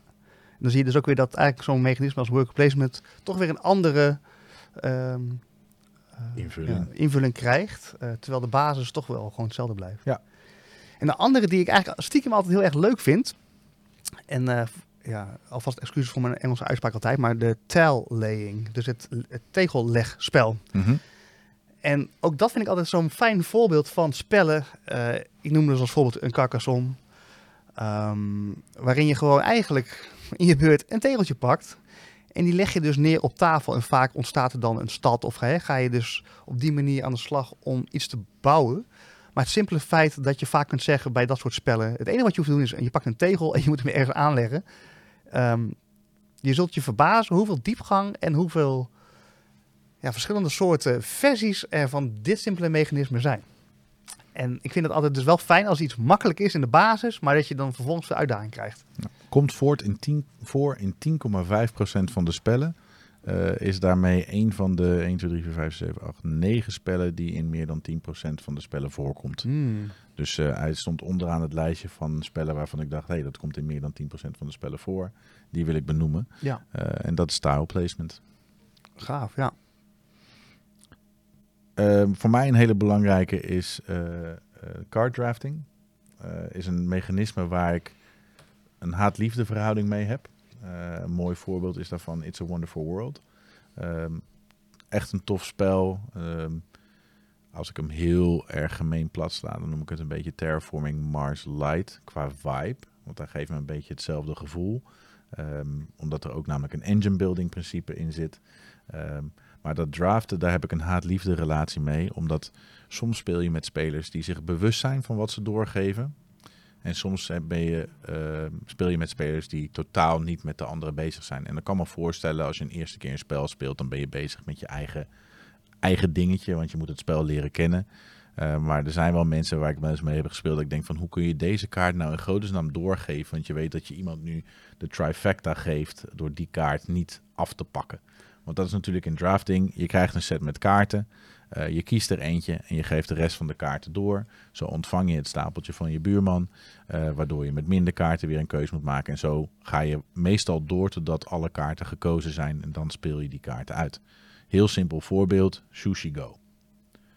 Set collection tegelijkertijd een ander mechanisme. Ja. Maar je verzamelt verschillende soorten sushis om de meeste punten te verzamelen. Ja, als iemand net een, ehm, een wasabi heeft neergelegd, dan moet je die octopus nigiri niet doorgeven, want dan geef je negen punten weg. En, en misschien moet je überhaupt de octopus nigiri wel niet doorgeven.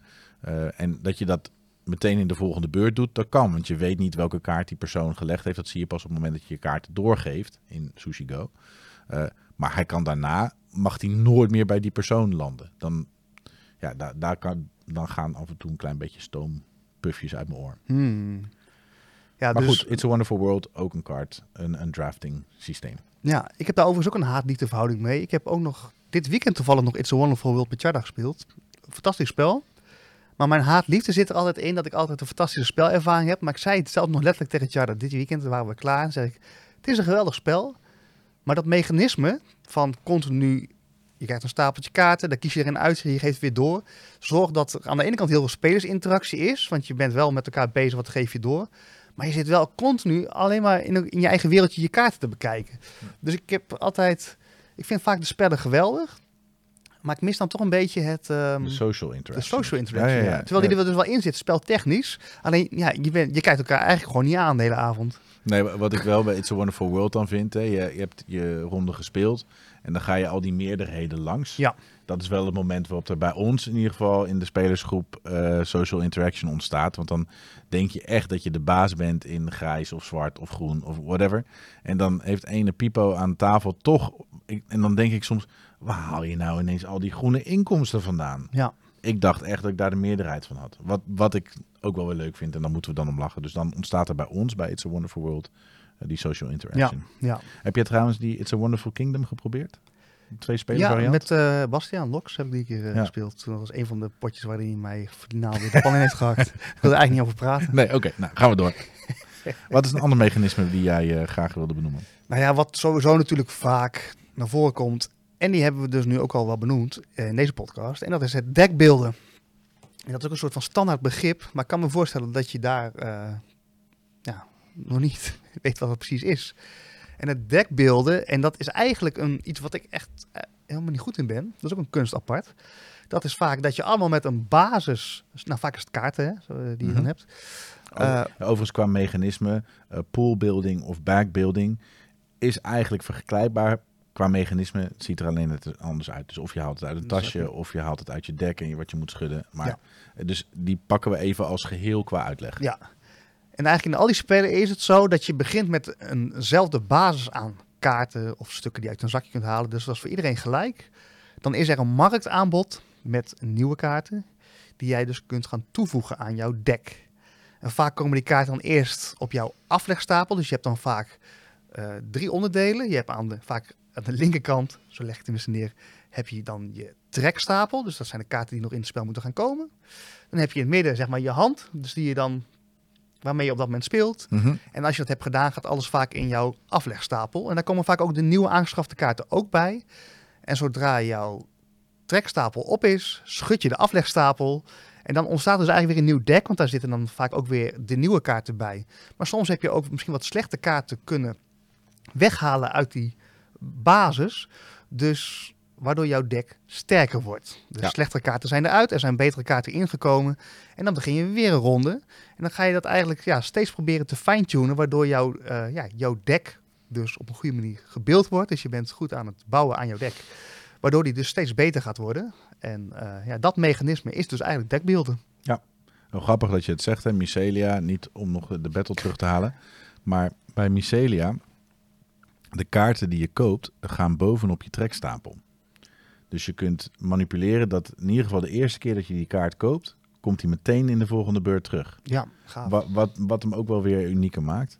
En ehm, dus Mycelia is een goed voorbeeld, maar ik noemde net artisjokken. Eh, een klein kaartspelletje waar je eh, al die artisjokken eigenlijk uit je hand wil spelen. Je wint als je een hand trekt waar helemaal geen artisjokken in zitten. Ehm, dus er zijn manieren om die artisjokken helemaal te verwijderen. Er zijn andere kaarten die je kunt toevoegen. Uiteindelijk zit er een geluksfactor in, want je moet schudden met die kaarten. Eh, maar ook bijvoorbeeld heat. Ja. Valt ook eh, wel, nou ja, het is meer handmanagement denk ik dan trouwens nu ik dat zeg. Ja, want dan bij de Heat heb je geen Je komt geen nieuwe- marktaanbod. je hebt van tevoren wat kaarten. Ja, dus dat is Nee. eigenlijk geen dekbeelden. Nee. Maar voor mij de ultieme dekbeelder is Clank. Een hele bekende. Mm. eh, waarbij je de, ker- de, de kerkers ingaat om de schatten te halen. Ehm, en eentje die nu twee jaar oud is, The Hunger. eh, die ik zelf trouwens gebombardeerd heb tot deck, deck polluter. Omdat eh, alle kaarten die je aan je deck toevoegt zijn de, de mensen en de dieren die je eet als vampier zijnde. En die vertragen je. Wat in het mechanisme van het spel, even voor de duidelijkheid, je gaat eh, op het moment dat de zon ondergaat, verlaat je je kasteel als vampier. En je trekt daar het dorp in. Eh, en je moet zorgen dat je terug bent in je kasteel voordat de zon opkomt. Want anders dan verpulver je tot as. Maar ja, eh, de manier om punten te scoren zijn om mensen en dieren te eten. Want je moet jezelf voeden. Eh, maar je bent geneigd om te veel te gaan vreten. Je wordt wat vatsig. En daardoor vertraag je. Waardoor het thematisch ook nog eens klopt. En daar word ik altijd gelukkig van. En waar je ook gelukkig van wordt, en dat is misschien nog wel de, de dekbeelden der dekbeelders. Het mooiste artwork wat je, wat je maar kunt bedenken. Weet je waar ik heen wil? Nee. Dominion. ja, ja, ja, ja, ja. ja. ja Dominion is ook ja. echt wel een, een, een echte pure dekbeelden. Waarin je gewoon eh, eigenlijk... Daar is ook verder geen bord of iets. Dat is gewoon, je legt je kaarten neer en eh, die doen wat. En je gaat dat dek proberen te versterken. Dus eh, ja, dat is echt puur dekbeelden ook echt. Ja, een hartstikke goed voorbeeld. Ja, Voor, voor mij heel nauw verbonden aan deckbuilding is overigens engine building. Ehm, engine building is eh, in die zin ehm, vergelijkbaar omdat je ook weer kaarten of eh, zaken aan jouw spelveld gaat toevoegen. Niet per se in de vorm van een trekstapel of een, een hand die je vast hebt, maar meestal fysiek op tafel zichtbaar, waar de kaarten elkaar gaan versterken. Dus bij deckbeelden of backbeelden of poolbeelden probeer je ook de motor te laten draaien en sterker en sterker te worden. Of in het geval van de hanger niet te zwak, zodat je het thuishonk niet meer bereikt. Ehm, en bij engine beelden probeer je de kaarten bij elkaar toe te voegen om uiteindelijk je motortje te gaan laten draaien. De engine die je gaat laten draaien. En onze gemeenschappelijke liefde Wingspan is daar natuurlijk een heel groot voorbeeld van. Eh, je speelt je vogels in die eh, verschillende leefgebieden. En je gaat, als je netjes de regels volgt, van rechts naar links al die kaarten langs op het moment dat je een actie in dat gebied kiest. Dus ga je voor voedsel, dan zijn alle kaarten in het bosgebied. Als ze een bruine band op de kaart hebben zitten, mag je iedere keer opnieuw langs gaan. Nou, mijn favoriete vogel in Wingspan, eh, ik weet de, de type vogel niet, maar het is de kaart die je nadat je hem gebruikt naar een ander leefgebied mag pla- verplaatsen. Ik word daar altijd heel gelukkig van, want hoe meer kaarten je in je leefgebied hebt, hoe beter de actie ook is. Dus daar bouwt hij ook je engine op. Dus dat vind ik altijd een goed voorbeeld. En Terraforming Mars is voor mij een hele goede tweede voorbeeld. Want ook die kaarten die maken elkaar continu sterker. Als dit, dan dat, et cetera. Ja, dat engine beelden, dat is volgens mij wel een soort van kern die je best wel veel kan toepassen in eh, heel veel spellen. Ik ben wel benieuwd waar die op jouw lijstje staat in dat onderzoek.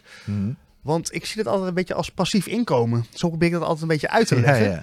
Want vaak heb je met engine building, dus dat motortje waar we het over hebben, die gaat eigenlijk voor zorgen dat zonder dat het jou nog iets van energie gaat kosten of inzet, qua dobbelstenen of beurten, dat het je iets gaat opleveren. En eh, nou, dat zie je dus inderdaad ook in Wingspan komen, dat je misschien wel vogels eh, in jouw vogelrijk legt, die ervoor gaan zorgen dat jij eens bepaalde acties doet, dat ze dan in één keer eieren gaan leggen, of dat ze voedsel voor je gaan scoren, of dat je extra kaarten mag pakken. En daar hoef je dus eigenlijk niks extra's voor te doen. Dat is echt passief inkomen. Ja. En ik, in al mijn enthousiasme, in heel veel spellen, zie ik dan vaak de mogelijkheden om op lange termijn dus te investeren in dat soort motortjes. Maar dan doen we dat toch vaak te weinig. En dan zie je toch vaak dat mensen die al vanaf het begin af aan hebben gebouwd aan dat soort basisstructuurtjes, dat die uiteindelijk toch met de overwinning naar huis gaan.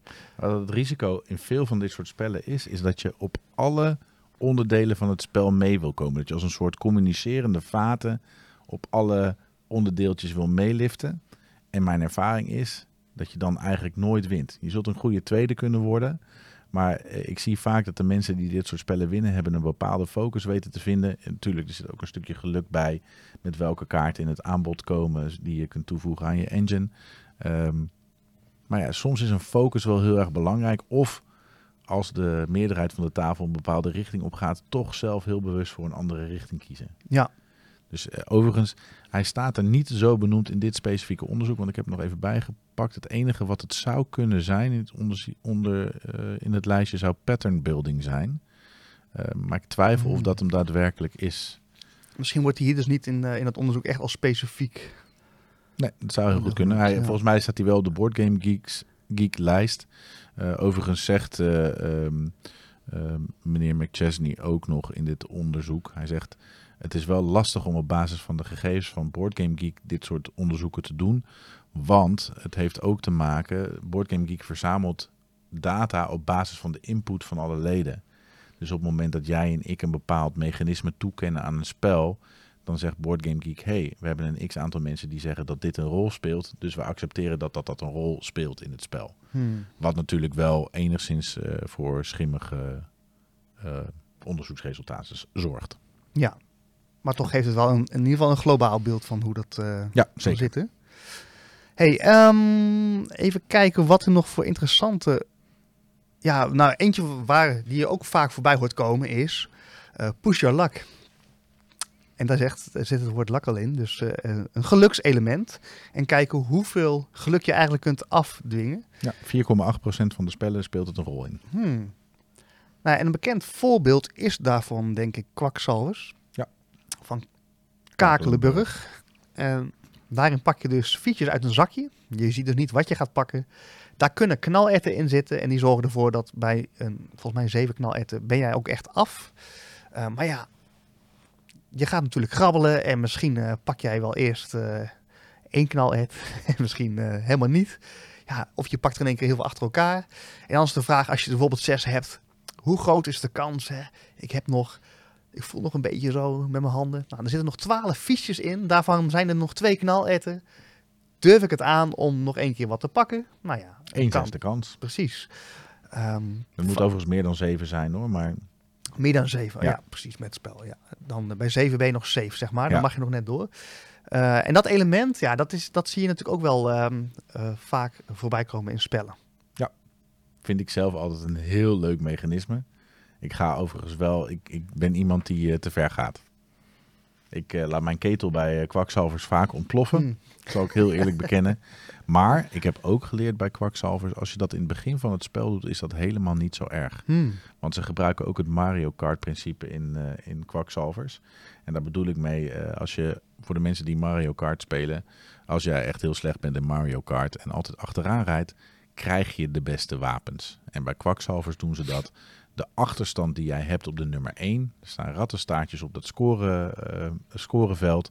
Het aantal rattenstaartjes dat tussen jou en de nummer 1 zit, zijn het aantal stapjes die je verder in de ketel mag beginnen dan het nulpunt. Ja. Dus soms is het helemaal niet zo erg om in het begin een keer te ontploffen. Overigens, tip voor de mensen die het nog nooit gespeeld hebben. Als je ontploft, zeker in het begin, ga voor ingrediënten en niet voor punten. Die punten maak je later wel weer goed. En die ingrediënten, als je daar te snel mee achterloopt, ja, dan eh, is verloren zaak. Ja, Maar ik vind het een leuk mechanisme, pusher ik ben er ook nooit goed in. Ik ga altijd, eh, ik pak dus dan wel zo'n knalert als, ik, als er twaalf fiches in zitten en maar twee knalerten, pak ik ze eruit hoor. Is wel, dit is trouwens wel het verschil tussen Jelle en mij. Jelle die zet zijn eh, eierdop op en die zegt... Och, arme ik, ik heb zo'n pech. Met één zesde kans pak ik toch die, eh, die knalert. Ik gooi toch één, terwijl dat het enige is wat ik niet mag gooien. Ik zeg gewoon, ja, ik duw er gewoon te ver door en ik eh, heb pech. Ja, eigen stomme schuld. Ja. Ja, Niet nou. ja hey, eh, een andere, ben ik wel benieuwd wat jij daarvan eh, vindt. Die hoor je ook nog regelmatig. Dat is area control. Mhm. Het alle onbekende risk. Ja. Oh ja, dat is een goed voorbeeld trouwens. Dat is natuurlijk wel het ultieme spel wat iedereen kent. Waarin je dus eigenlijk gewoon op een bord vaak een gebied moet controleren. En hoe, hoe meer je aanwezig bent in een bepaald gebied, hoe sterker je bent. En andere mensen die jou dus willen gaan aanvallen om dat te verminderen. Ja, en het geeft ook maar weer aan hoe belangrijk de combinatie van spelmechanismes is. Want risk zit natuurlijk een enorme berg aan geluk in, want het is uiteindelijk gewoon dobbelen tegen elkaar en zorgen dat je de andere legertjes van iemand anders wegvaagt.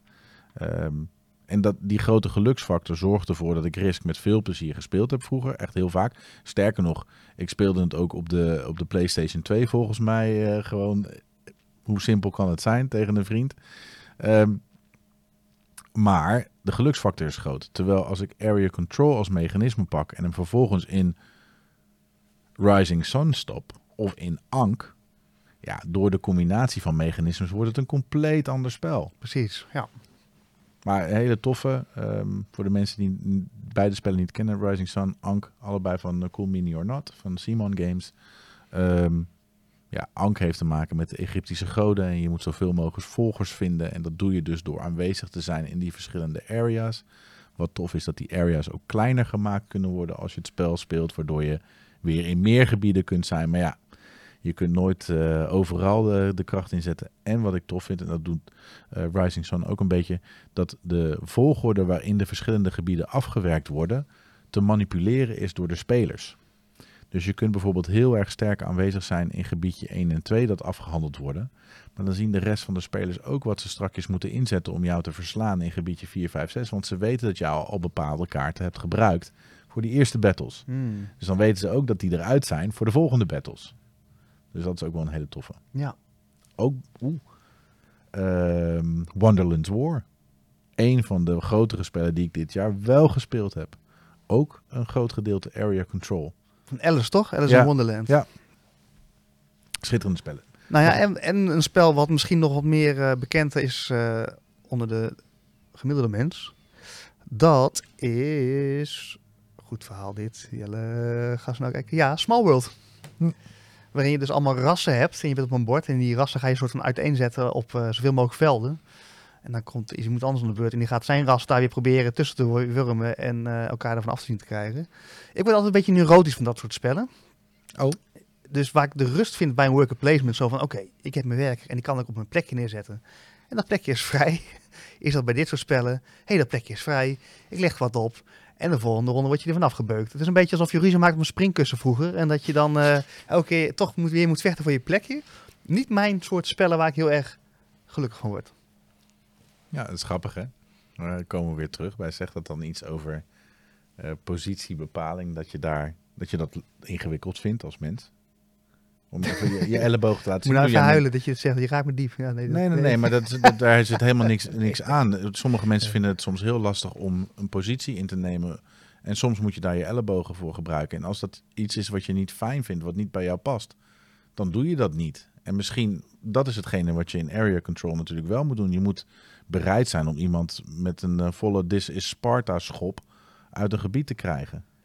Nou ja, dat is wel interessant. Er zit dus in dat soort spellen zit er een soort van continue eh, strijd. Een niet, Conflict. een, ja, een niet afhoudend conflict eh, zonder echt rustmomenten, zeg maar. Je kunt niet genieten van wat je hebt, Nee. zeg maar. Het is een beetje alsof je dan... Het is net Sinterklaas geweest. Je hebt een chocoladeletter gekregen. Maar je hebt ook nog twee broertjes. En die weten waar die ligt. En de volgende ochtend moet je me afvragen of ze hem niet toch stiekem opgegeten hebben. En die... Die spanning. Ja, misschien. Ik heb een broertje. Misschien zit hier een diepe laag onder van vroeger. Dat je dus continu moet letten op. Wordt er niet afgepakt? Ja, ik hou gewoon wat minder van dat soort spellen. Ja. Ja, ja, dat kan me voorstellen. Ja, dat, dat zijn gewoon voorkeuren. Ja. Ja. Maar dat is dus area control. Wat ik ook nog een, eh, een, eh, een interessante vind, is eh, auction. Auction en bidding. Oftewel, ehm, we hebben een bepaalde hoeveelheid geld om uit te geven, of, of grondstoffen, of welk eh, monetair mechanisme ook in een spel gebruikt wordt, om te bieden op iets wat aangeboden wordt in de markt. Een heel simpel voorbeeld is daarvoor koehandel. In koehandel, je moet setjes van dieren verzamelen. Heb je het hele setje compleet, dan pas zijn ze de punten waard die ze waard zijn. Het geld wat je uitgeeft kan je maar één keer uitgeven. Dus iedereen weet in principe ook of zou kunnen onthouden wat je tot dan toe hebt uitgegeven en wat je mogelijkerwijs nog zou kunnen betalen voor de volgende eh, dier wat langskomt. Ehm maar je, het doel is, je hebt geld, je gaat het uitgeven. Soms bied je iets om de ander meer geld uit zijn zak te kloppen. Soms bied je iets omdat je iets wil hebben. En soms bied je helemaal niet. Nou, en dat, dat, dat soort mechanismes vind ik wel heel erg leuk. Koehandel, eh, ook daar kennen mensen een haat-liefde relatie mee. Overigens op de afgelopen kerstmarkten een van de best verkopende spelletjes. Wat ook mij verraste, maar toch wilden heel veel mensen dat hebben. Een van mijn vrienden is in staat geweest om een potje koehandel te eindigen. Let op, met nul punten. Dat is eigenlijk onmogelijk. Hmm. Maar dat, dat is een, eh, goede, een goed voorbeeld van, eh, van auction building. En vind je dat leuke spellen dus? Ehm,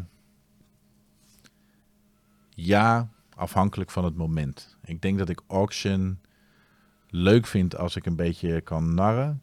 Eh, een beetje het moment daarvan zoeken, zeg maar. Van we gaan narren en eh, ik kan net iets voor je neus wegpakken. Ehm nou kan ik geen spel bedenken waar het anders dan kleine spelletjes de hoofdmoot in speelt. Ik denk dat als het een groter spel is waar het continu aanwezig zou zijn, ik dat misschien minder leuk zou vinden. Omdat je krijgt toch dat iemand leeggeroofd wordt, dat alles voor iemands neus weggepakt wil worden. En ik, ondanks dat ik van, van strijd en een beetje competitie houd, vind ik wel dat iedereen het leuk gehad moet hebben. Ja. Nou, het is wel interessant, want ik zit dus ook te reflecteren, want ik heb dus ook aversie tegen dit soort spellen. Ik heb er laatst ook nog één gespeeld, Chinatown Night Market, zoiets. Mhm. En dan heb ik dat, diezelfde onrust bij als wat ik bij ehm, eh, die vorige spellen had, de area control. Dat je dus inderdaad, dan moet je gaan bieden op iets. Stel je voor, je, je, hebt, eh, je- betaalt ergens, wil je acht, acht geld voor betalen of zo. En dan iemand die biedt er overheen negen. Heb je dus alles voor niks gedaan. Want je hebt die binnen ge- geharkt. Had je toch meer moeten bieden. Dus er zit iets neurotisch in voor mij of zo. Iets, iets onverwachts. Het is een beetje alsof, ik vind het ook heel fijn als ik hier door de winkel loop. Zie ik gewoon de prijzen en dan weet ik wat het kost. Eh, ik haat winkels die eh, dat niet hebben. Eh, dat je dan ehm, ja, niet weet wat je, waar je aan toe bent of zo. Ja, of het waar de ene dag een hele andere prijs heeft dan de andere dag. Ja, of ik hier en daar begeven we ook nog wel eens in wat meer spirituele kringen. En wat ik daar vreselijk irritant vind, is dat mensen die zeggen dan tegenwoordig: geef maar wat jij ervoor wilt geven. Wat voelt goed. Nee, zeg maar wat je ervoor wil hebben, weet je wel. Het wordt zo. Oh, dat kan ik, ja, en dat zit dus ook in dit soort spellen. Daar kan ik gewoon eigenlijk niet zoveel mee. Nee. Ik word er neurotisch van. Zegt ook wat over mij. Ja. Ik begin hier langzaam mezelf helemaal af te pellen in deze. Dus ik hou niet van area control, niet van auction. Maar ik vind het dus wel heerlijk als het overzichtelijk is, helder, worker placement. Hm, interessant. Ja, tile placement noemde je ook al als eentje. Ja. Ehm, ja, grappig. Ja.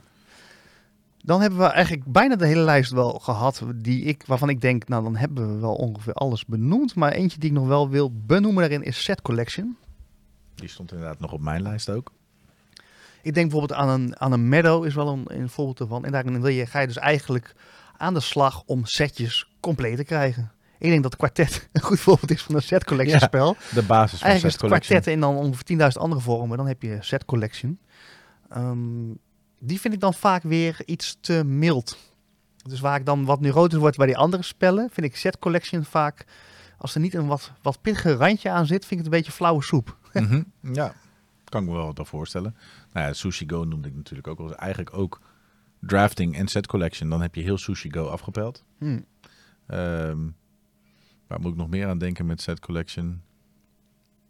Oh, dat is een pittige. Waar moet ik nog meer aan denken? Heb je nog meer spellen die set collection hebben als eh, basismechanisme?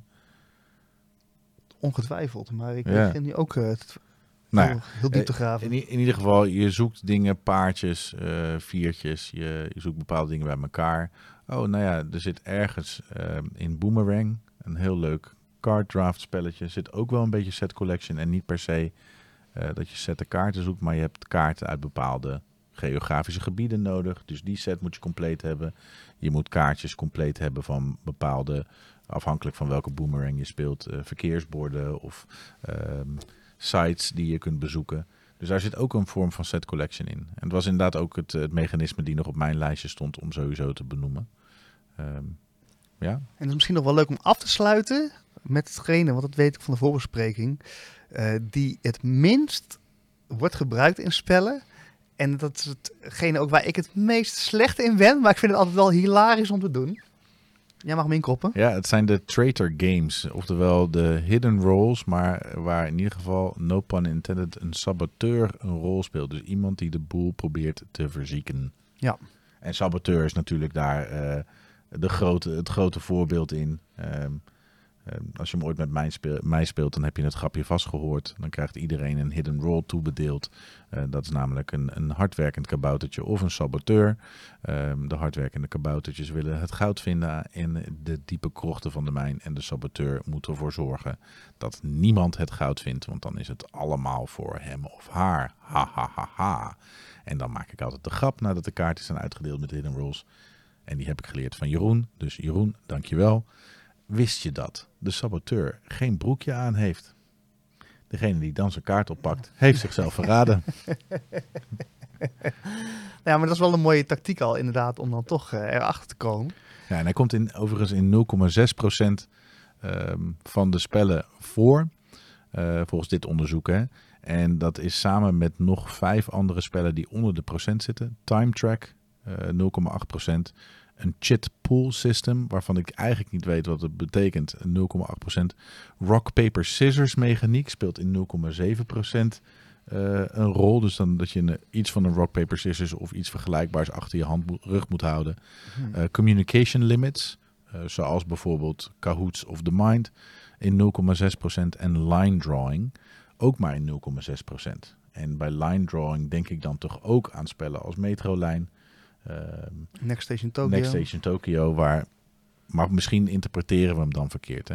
Ja, want die, die- spellen lijken me echt wel veel meer als het percentage wat ik nu hoor in dat lijstje.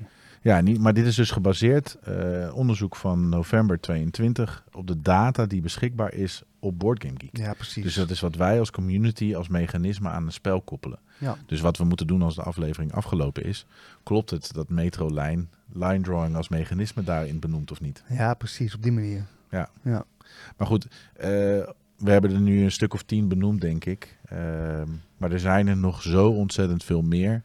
Ehm, soms staat het op de doos, dat is ook nog, staat ook nog in het onderzoek. Ehm, sommige dozen vermelden het helemaal niet. Maar uiteindelijk, wat maakt een spel uniek, is als je bepaalde mechanismes bij elkaar weet te brengen. En misschien nog een voorbeeld eh, wat heel veel mechanismes bij elkaar brengt. Dat is Merchant's Cove. Eh, dat is de reden waarom die soms afgefakkeld werd door de community, maar tegelijkertijd ook geprezen wordt.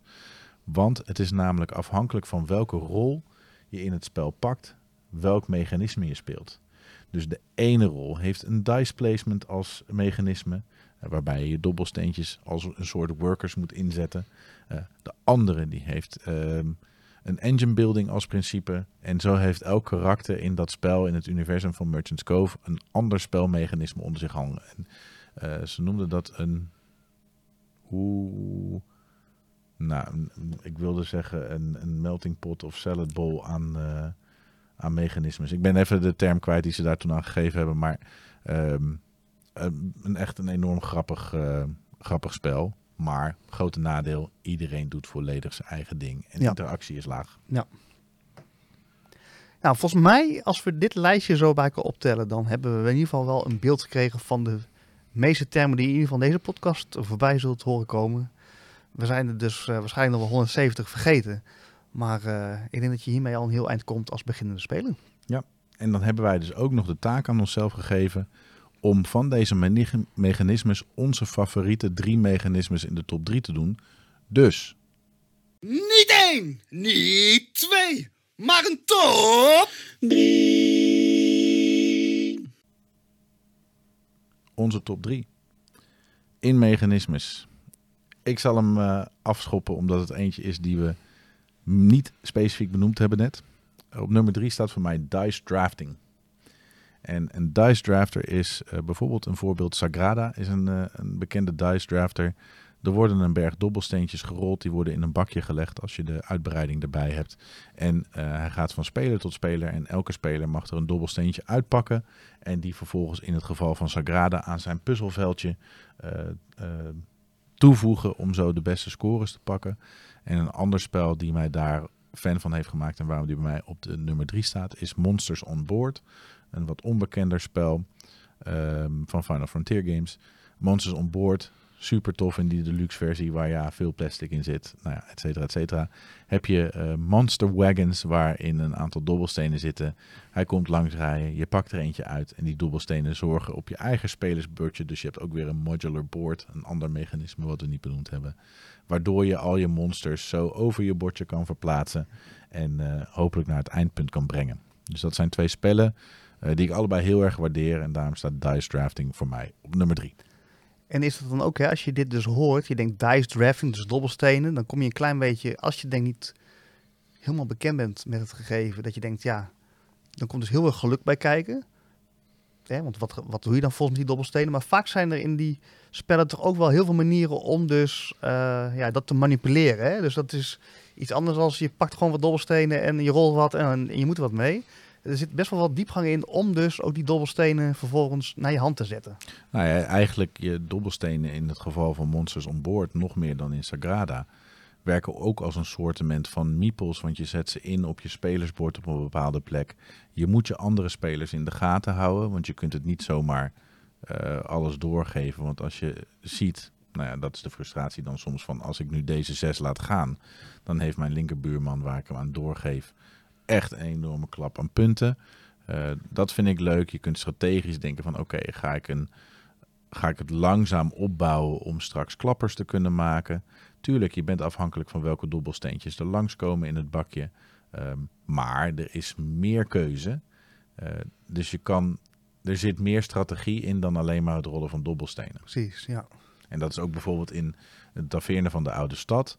Eh, daar dobbel je de dobbelsteentjes, die leg je op je bierveeltje, je kiest en je geeft door. En vervolgens ga je ook dice placement doen in jouw taverne om al die acties te kunnen uitvoeren. Ja, en bij aan dekbeelden, dat is echt een spel met ook zo'n mixed grill aan verschillende eh, elementen. Dus eh, die is ook echt, echt tof.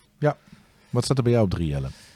Ja, toch mijn... eh, Eigenlijk voelt het een beetje als een, als een guilty pleasure, maar dat is dus dat tell-laying.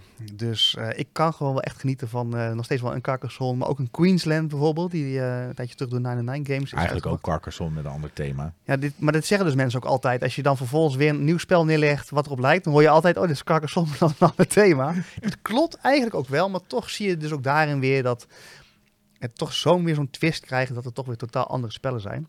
Vind jij Cascadia tile? Eh, ja, ik denk het wel. Goeie eigenlijk, zo had ik nog niet bekeken.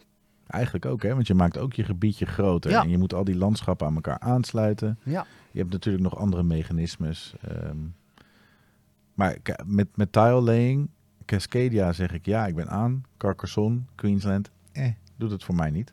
Nee. Ja, goed, smaken verschillen natuurlijk, dat maakt niet uit. Ja, maar en ik zou dat ook niet zomaar van het toren schreeuwen dat ik dat allemaal zo enorm leuk vind. Maar, maar, maar hij komt dus al op mijn nummer drie, omdat ik toch eigenlijk stiekem dat wel gewoon heel erg fijn vind. En ik bedenk me dus toch wel een beetje door deze reflectie van dit afgelopen gesprek wat we hebben gevoerd, dat ik dus gewoon ook wel van overzicht en duidelijkheid hou. Nou, en dit soort mechanismes eh, helpen me daarbij. Oké. Wat staat er op twee bij jou? Op eh, nummer twee komt eh, het engine beelden. En ja, het is dus iets waarvan ik dan vaak denk, had ik meer moeten doen? Maar het leuke van engine building is ook gewoon eh, ja, het gevoel van passief inkomen. En als dat lukt, dan is dat gewoon een ontzettend fijn gevoel. Dus het bezig gaan met, als ik nu deze en deze, deze stappen doe, dan krijg ik de volgende ronde een steen, een hout. Oh, en dan krijg ik ook nog een extra kaart. En dan hoef ik dus allemaal niks voor te doen. Ja, en dat geeft gewoon een soort van gelukzalig gevoel. En als je dat weet eh, te krijgen in dat soort eh, spellen, ja, dan word ik gewoon, zit ik als een gelukkige mens aan tafel. Ja, het, het, het drukt een lekker knopje in. Ja, de succeservaringen van dit heb ik goed gedaan. Het schouderklopje wat je krijgt omdat het inkomen ook daadwerkelijk komt.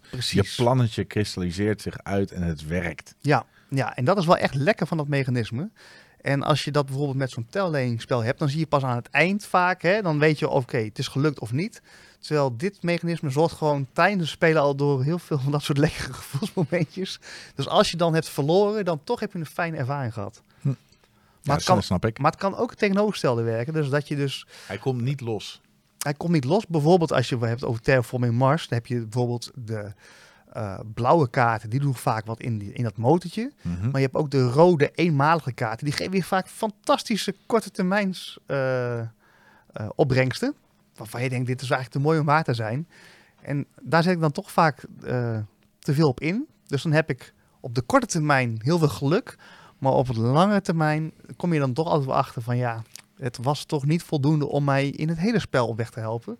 Dus het is ook een soort van levensles altijd dit mechanisme in. Probeer lange termijn te denken. En eh, ga dus niet gelijk vol voor dat korte termijn geluk. Dus dat is ook wel weer mooi voor het leven als je het zo bekijkt. Grappig. Herken je dat? Ja, zeker. Maar ik kom er zo op terug. Ik ga eens mijn nummer twee noemen. Oké. Eh, dat is namelijk deckbuilding. Oh, Eh, dus dat, eh, nou ja, in deze aflevering hebben we het daar veel over gehad. Mycelia natuurlijk ook.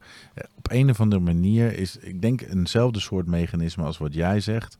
Eh, de juiste combinatie van dingen toevoegen aan je dekje. Ehm handmanagement past daar voor mij ook wel een beetje in. Vandaar dat ik ook net Heat eruit klapte en een Flamme Rouge, terwijl je natuurlijk geen nieuwe kaarten toevoegt. Ehm, maar ja, ze vertragen je dek wel met de Heat kaarten in Heat en de vermoeidheidskaart in Flamme Rouge. Dus er zit ook wel een beetje een vergelijkbaar mechanisme in. Ehm, maar ook ja, je bent voor jezelf aan het puzzelen. Welke combi der dingen kan ik nu geven mij uiteindelijk het beste resultaat? En dat op een of andere manier trekt me dat altijd wel. Een klank bijvoorbeeld trok mij qua artwork en thema en sausje in eerste instantie niet.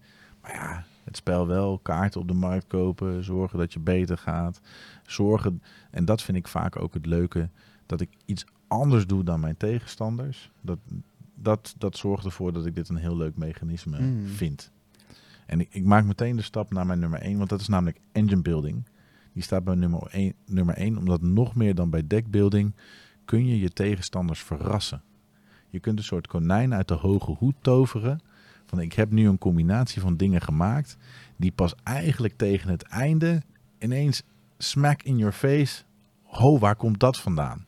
En ehm, dat, dat vind ik gewoon heel leuk. Dan ben ik gewoon eigenlijk vijf zetten vooruit aan het denken. Dan kan ik ook een beetje zo, eh, ja, hallo, eh, ik sta echt niet voor. Jullie staan voor, ver voor. Maar wacht maar. Dus helaas geef ik het nu ook weg dat de volgende keer als ik zo'n opmerking maak tijdens het spelen, mijn vrienden zeggen, ja, we wisten wel dat je dat expres aan het Ja, precies, ja. Een Ja. beetje in de underdog rol kruipen, dat vind ik altijd wel leuk. En dan ineens, bam! Ja, en dat je dat dus al hebt zien aankomen. Dat je er gewoon bewust iets aan hebt gebouwd en dat het dan tot zijn recht komt. En dat is wel echt een mooi systeem van, van spellen eigenlijk. Die, dat ze dat kunnen bieden. hè? Gewoon e- echt, Hmm. nou ja, wat jij zegt ook. Hè. Eh, Je had hem op nummer 2 staan natuurlijk. Maar gewoon het, het, het geluk, het een beetje trots zijn op wat je hebt weten te bouwen. Ja, Ja. Wat ik nog wel om even, want ik heb nog niet een reactie gegeven op jouw nummer 2, het dekbeelden. Want ik vind het op zich wel een leuk mechanisme, maar ik, wat ik de, het nadeel daarvan vind, is dat je bij bijvoorbeeld bij een engine beelden weet je dat, dat je bepaalde dingen gaat doen en dat het gaat lukken. En bij dekbeelden blijf je toch altijd een beetje het probleem hebben van ja, dan heb je wel dat dekje gebouwd, maar komt het wel op de juiste volgorde weer ook allemaal naar boven, want je moet je dek gaan schudden. Dus je kunt het nooit helemaal. Het kan ook nog steeds verkeerd vallen. Snap je wat ik bedoel? ja, absoluut. En dat is precies de reden waarom die op 2 staat en Engine Builder op 1 voor Ja, mij. precies. Ja. Daarom, dat, wa- waarom ik Engine Building net de, de, de edge geef. Ja.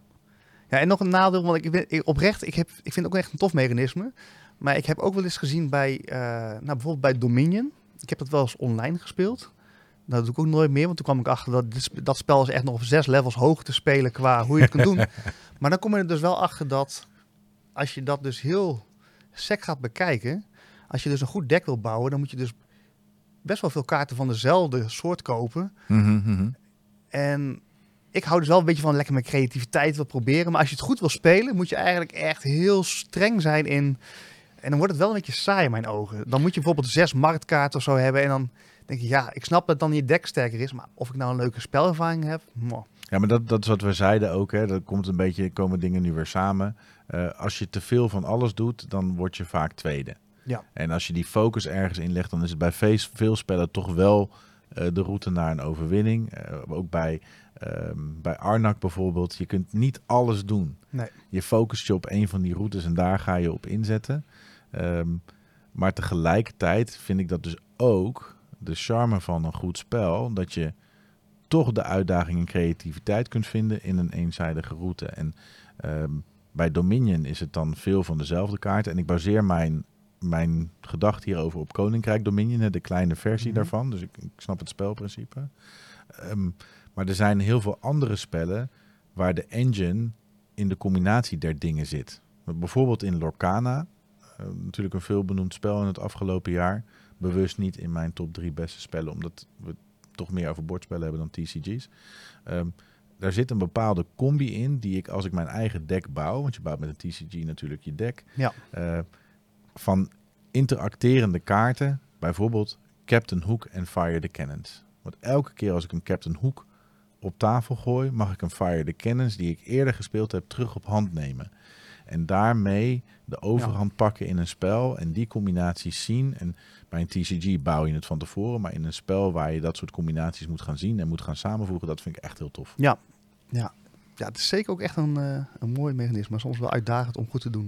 Ja, En wat staat er dan nog bij jou op één? ja toch het good old worker placement. En eh, ja, ook gewoon omdat ik, als je met nieuwe spelers speelt, vind ik het ook gewoon zo fijn dat ik kan zeggen, ja, eigenlijk, het ziet er allemaal heel moeilijk uit, maar gewoon zet, als je een propje daar zet, krijg je drie hout. Als je hem daarin zet, krijg je dat. Ja, ik hou wel gewoon van dat, eh, van eigenlijk die eenvoud in de basis. En dat het vervolgens zich uitvouwt tot een, een mogelijk, ja, een gigantische aanbod aan keuzes eigenlijk. En dat bieden worker placements vaak wel. Ja. Ehm, ja, dus eh, samenvattend ben ik toch al- uiteindelijk toch weer een speler die van concreet en wat visueel zichtbaar houdt, denk ik. Toch wel. Ja, Ja. dus dat ik gewoon weet waar ik aan toe ben. Ja, dat is het eigenlijk. Ja. Wie zat er nou in het spectrum? Precies. Ja. Ja. nou, zo zie je maar weer. Nou ik mezelf leren kennen dank Ja. deze podcast. Ja, we gaan natuurlijk ergens nog een keer een live aflevering doen waar we gratis therapiesessies aanbieden. Leer jezelf kennen door middel van een bordspel. Ehm, nou, er zijn eh, GGZ-instellingen die hier nu naar ons eh, gaan bellen of we alsjeblieft dat een keer met een, eh, een groep willen doen. Nou ja, oneindig veel mechanismes. Ehm, nogmaals mijn conclusie. Uiteindelijk wat spellen uniek maakt is de juiste combinatie van mechanismes. Ehm, we hebben natuurlijk in vorige afleveringen gehad over thema, artwork, allemaal ingrediënten. Maar spelmechanisme is voor mij toch eigenlijk wel de basis. Op het moment dat het niet loopt, eh, ehm, eh, dat zie je ook wel eens in reviews terug of in beoordelingen op Board Game Geek. Eh, het is hartstikke leuk, ziet er prachtig uit, maar het spel zelf is flut. Ja, dan, dan wordt het niet gespeeld. In ieder geval niet door de community. Ehm, ja, en dat vind ik knap dat eh, er zoveel mensen op deze wereldbol rondlopen die dat op zo'n knappe manier weten te doen. Dat wij weer geboeid en ook weer uitkijken naar allerlei nieuwe spellen. Ja, dat je er gewoon een winkel van kunt hebben. Ja, ja, ja. ja bizar hè? We zitten ondertussen op eh 2,5 uur bijna weer. We hebben, het is ons weer niet gelukt. Nee, nou, dat vind ik, vind ik nog knap eigenlijk hoor. Met Ja. zo'n uitgebreid topic. ja, dat is waar. Ja. Hey, wij hadden, ehm, en misschien om een beetje richting afronding te gaan. ehm, wij dachten, wij willen jullie laten bepalen wat het, eh, eerste, de eerste aflevering voor 2024 wordt. Eh, dus heb je een thema waarvan je denkt, daar moet je echt wat mee in de volgende aflevering. We willen eigenlijk kijken of we daar nog even een paar afleveringen mee door kunnen gaan. Eh, als we op een gegeven moment geen thema's meer kunnen bedenken, gaan we wel weer een ander format pakken. Maar eigenlijk is het nu aan jullie. Dus eh, denk je van, ik heb een thema waarvan ik wil dat, eh, dat wij over in gesprek gaan. Eh, DM ons via Instagram. ehm kartondepodcast.gmail.com Ehm Vind ons op welk kanaal dan ook. En wij nemen het in overweging. We zullen in januari ook nog wel wat polletjes via onze social media kanalen loslaten om ideeën op te doen. Ehm, maar we gaan luisteren, kijken wat, wat jullie willen dat we doen. En als we ergens mee van kant kunnen gaan, dan zullen we dat doen. Ja. Ja, nu zit eigenlijk het jaar er dus op. Dat is ook wel een gek moment zo. We hebben ja, lekker gewerkt aan eh, wat afleveringen. En nu gaan we zo meteen het nieuwe jaar in. Doet me ook wel iets dat ik denk van ja, we hebben natuurlijk nu acht, nee, tien afleveringen gemaakt. Op een gegeven moment gaat er natuurlijk een, inderdaad een, een, een dak aan zitten of zo. Een grens van ja, dat we iets van vernieuwends moeten doen. Dus ik, mijn hoofd is al wel een beetje bezig met wat, wat, hoe kunnen we dit ehm, nog meer laten groeien. Ik wil in ieder geval vast nu iets de eter in werpen wat mij gewoon heel erg vet lijkt. En eh, misschien dat we, als we dat nu gewoon roepen, dan komt het misschien. Maar het lijkt mij dus heel vet om op een spellenbeurs eh, en dan live een podcast eh, te doen met publiek. Nou, dat is eigenlijk zoals een, een soort chatshow. waarbij we zowel met de publieke interactie gaan met elkaar over nieuwe releases of zo. Dat zou wel vet zijn. Ja, Ja, het lijkt me heel tof. Ja, dus eh, ja, en laat dus ook, hè, als je nou een luisteraar bent die van je denkt, oh, ik heb nog wel een gaaf idee voor jullie podcast, laat het gewoon eens weten ook, want eh, ja, we zijn altijd wel open voor om te kijken van hoe kunnen we nog eh, meer gaan groeien ook aankomend jaar. Ja. Tenminste, ik eh, ben nog niet van plan te gaan stoppen. Ik weet niet jij Absoluut erin niet. staat. Ik We hebben het er nooit over gehad, maar Nee, ik heb er echt zoveel lol in. Ehm, weet je, dit is mijn ontspanning, Jelle. Het, het feit dat ik geen tijd lijk te maken in het afgelopen jaar om spelletjes te spelen. Of de vrienden die ik allemaal verwaarloosd heb in het afgelopen jaar. Eh, waarvan de meeste overigens niet luisteren. Maar ehm, ja, dat, dat komt gewoon omdat ik hartstikke druk ben. Eh, ik moeilijk vind om een plek in mijn agenda te vinden om eh, ook voor mezelf te zorgen in die zin. Qua, want ik haal er gewoon plezier in.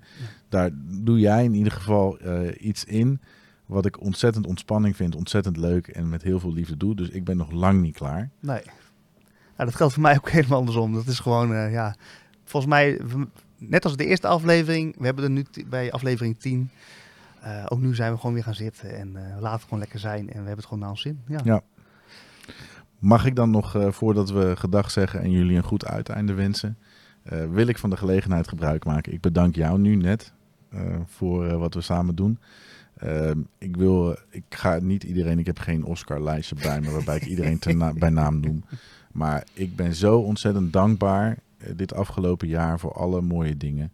Eh, Ronald en Ben waarmee ik de winkel run. Ehm, alle mensen, alle helpende handjes zoals ik ze altijd liefelijk noem. Eh, we deden een oproepje over of er mensen ons wilden helpen rondom de feestdagen. Want we hebben ontzettend veel kerstmarkten en, en drukke dagen dat we het niet kunnen bolwerken met het personeel wat we hebben en wat we zijn. Het is niet normaal hoeveel goedheid eruit komt. Een, een Lien die de auto van haar vader leent en alle kanten oprijdt om, eh, omdat zij namelijk dan een, een, een bakwagentje heeft, zeg maar, waardoor al die spellen van beurs naar beurs gaan. Ehm eh, Ellen die heeft geholpen met het opzetten van de Secret Santa. Charlotte die eh, me toch ook altijd maar op de schaarste momenten dat ik dan thuis kan een podcast laat opnemen. Ik ben jullie allemaal ontzettend dankbaar. Gaaf zeg, ja. Ik zie dat natuurlijk op een afstandje allemaal gebeuren. En ja, mooi hoe je community, ook om jullie winkel hebben heen gebouwd daarin. En eh, nou ja, op mijn beurt vind ik het ook gaaf om er eventjes... eh, ik heb echt gezien dat onze luisteraars, hè, dat het gegroeid is. En ja, ook, ook nu weer, hè, we hebben echt epistels nog steeds. We krijgen nog steeds eh, gewoon echt uitgebreide mails. Waar we dus eigenlijk alleen maar via de podcast op reageren. Dus, maar nogmaals, dank daarvoor. Toch nog eventjes de grote shout-out naar Guido. We hebben natuurlijk, hij is toch een beetje de, ja, zeg ik, de OG van, van onze... eh, Karton podcast. Ja, ja, maar ik bedoel, die is al van het begin af aan echt betrokken. Uitgebreide reacties. En eh, nou ja, zoals ik al zei, we zitten hier met z'n tweeën, maar het voelt als- alsof we wel met meerdere zo zijn. En eh, nou, laten we dat lekker gaan uitbouwen. Ja, zonder gekkigheid. Ik word er een klein beetje emotioneel van hoe mooi dat is. Hoe zo'n community zich ontvouwt rondom de podcast, rondom de winkel. Ehm, ben zegt altijd, of in ieder geval heeft hij me dat geleerd. Your vibe attracts your tribe. En eh, Lisa niet te vergeten, ook super tof. Ehm, nou ja, en wat ik zeg, ik heb geen lijstje gemaakt. Ik bedacht nu, ik wil dat gewoon even gebruiken. Dus eh, mensen bedankt. Eh, tot in het nieuwe jaar. En eh, nou ja, we hopen jullie weer te mee te mogen nemen in ons bordspellenavontuur. Yes. Nou, allemaal bedankt ook voor het luisteren. Doe eh, lekker genieten aankomende tijd. En eh, tot 2024. Ciao, ciao. Cartoon.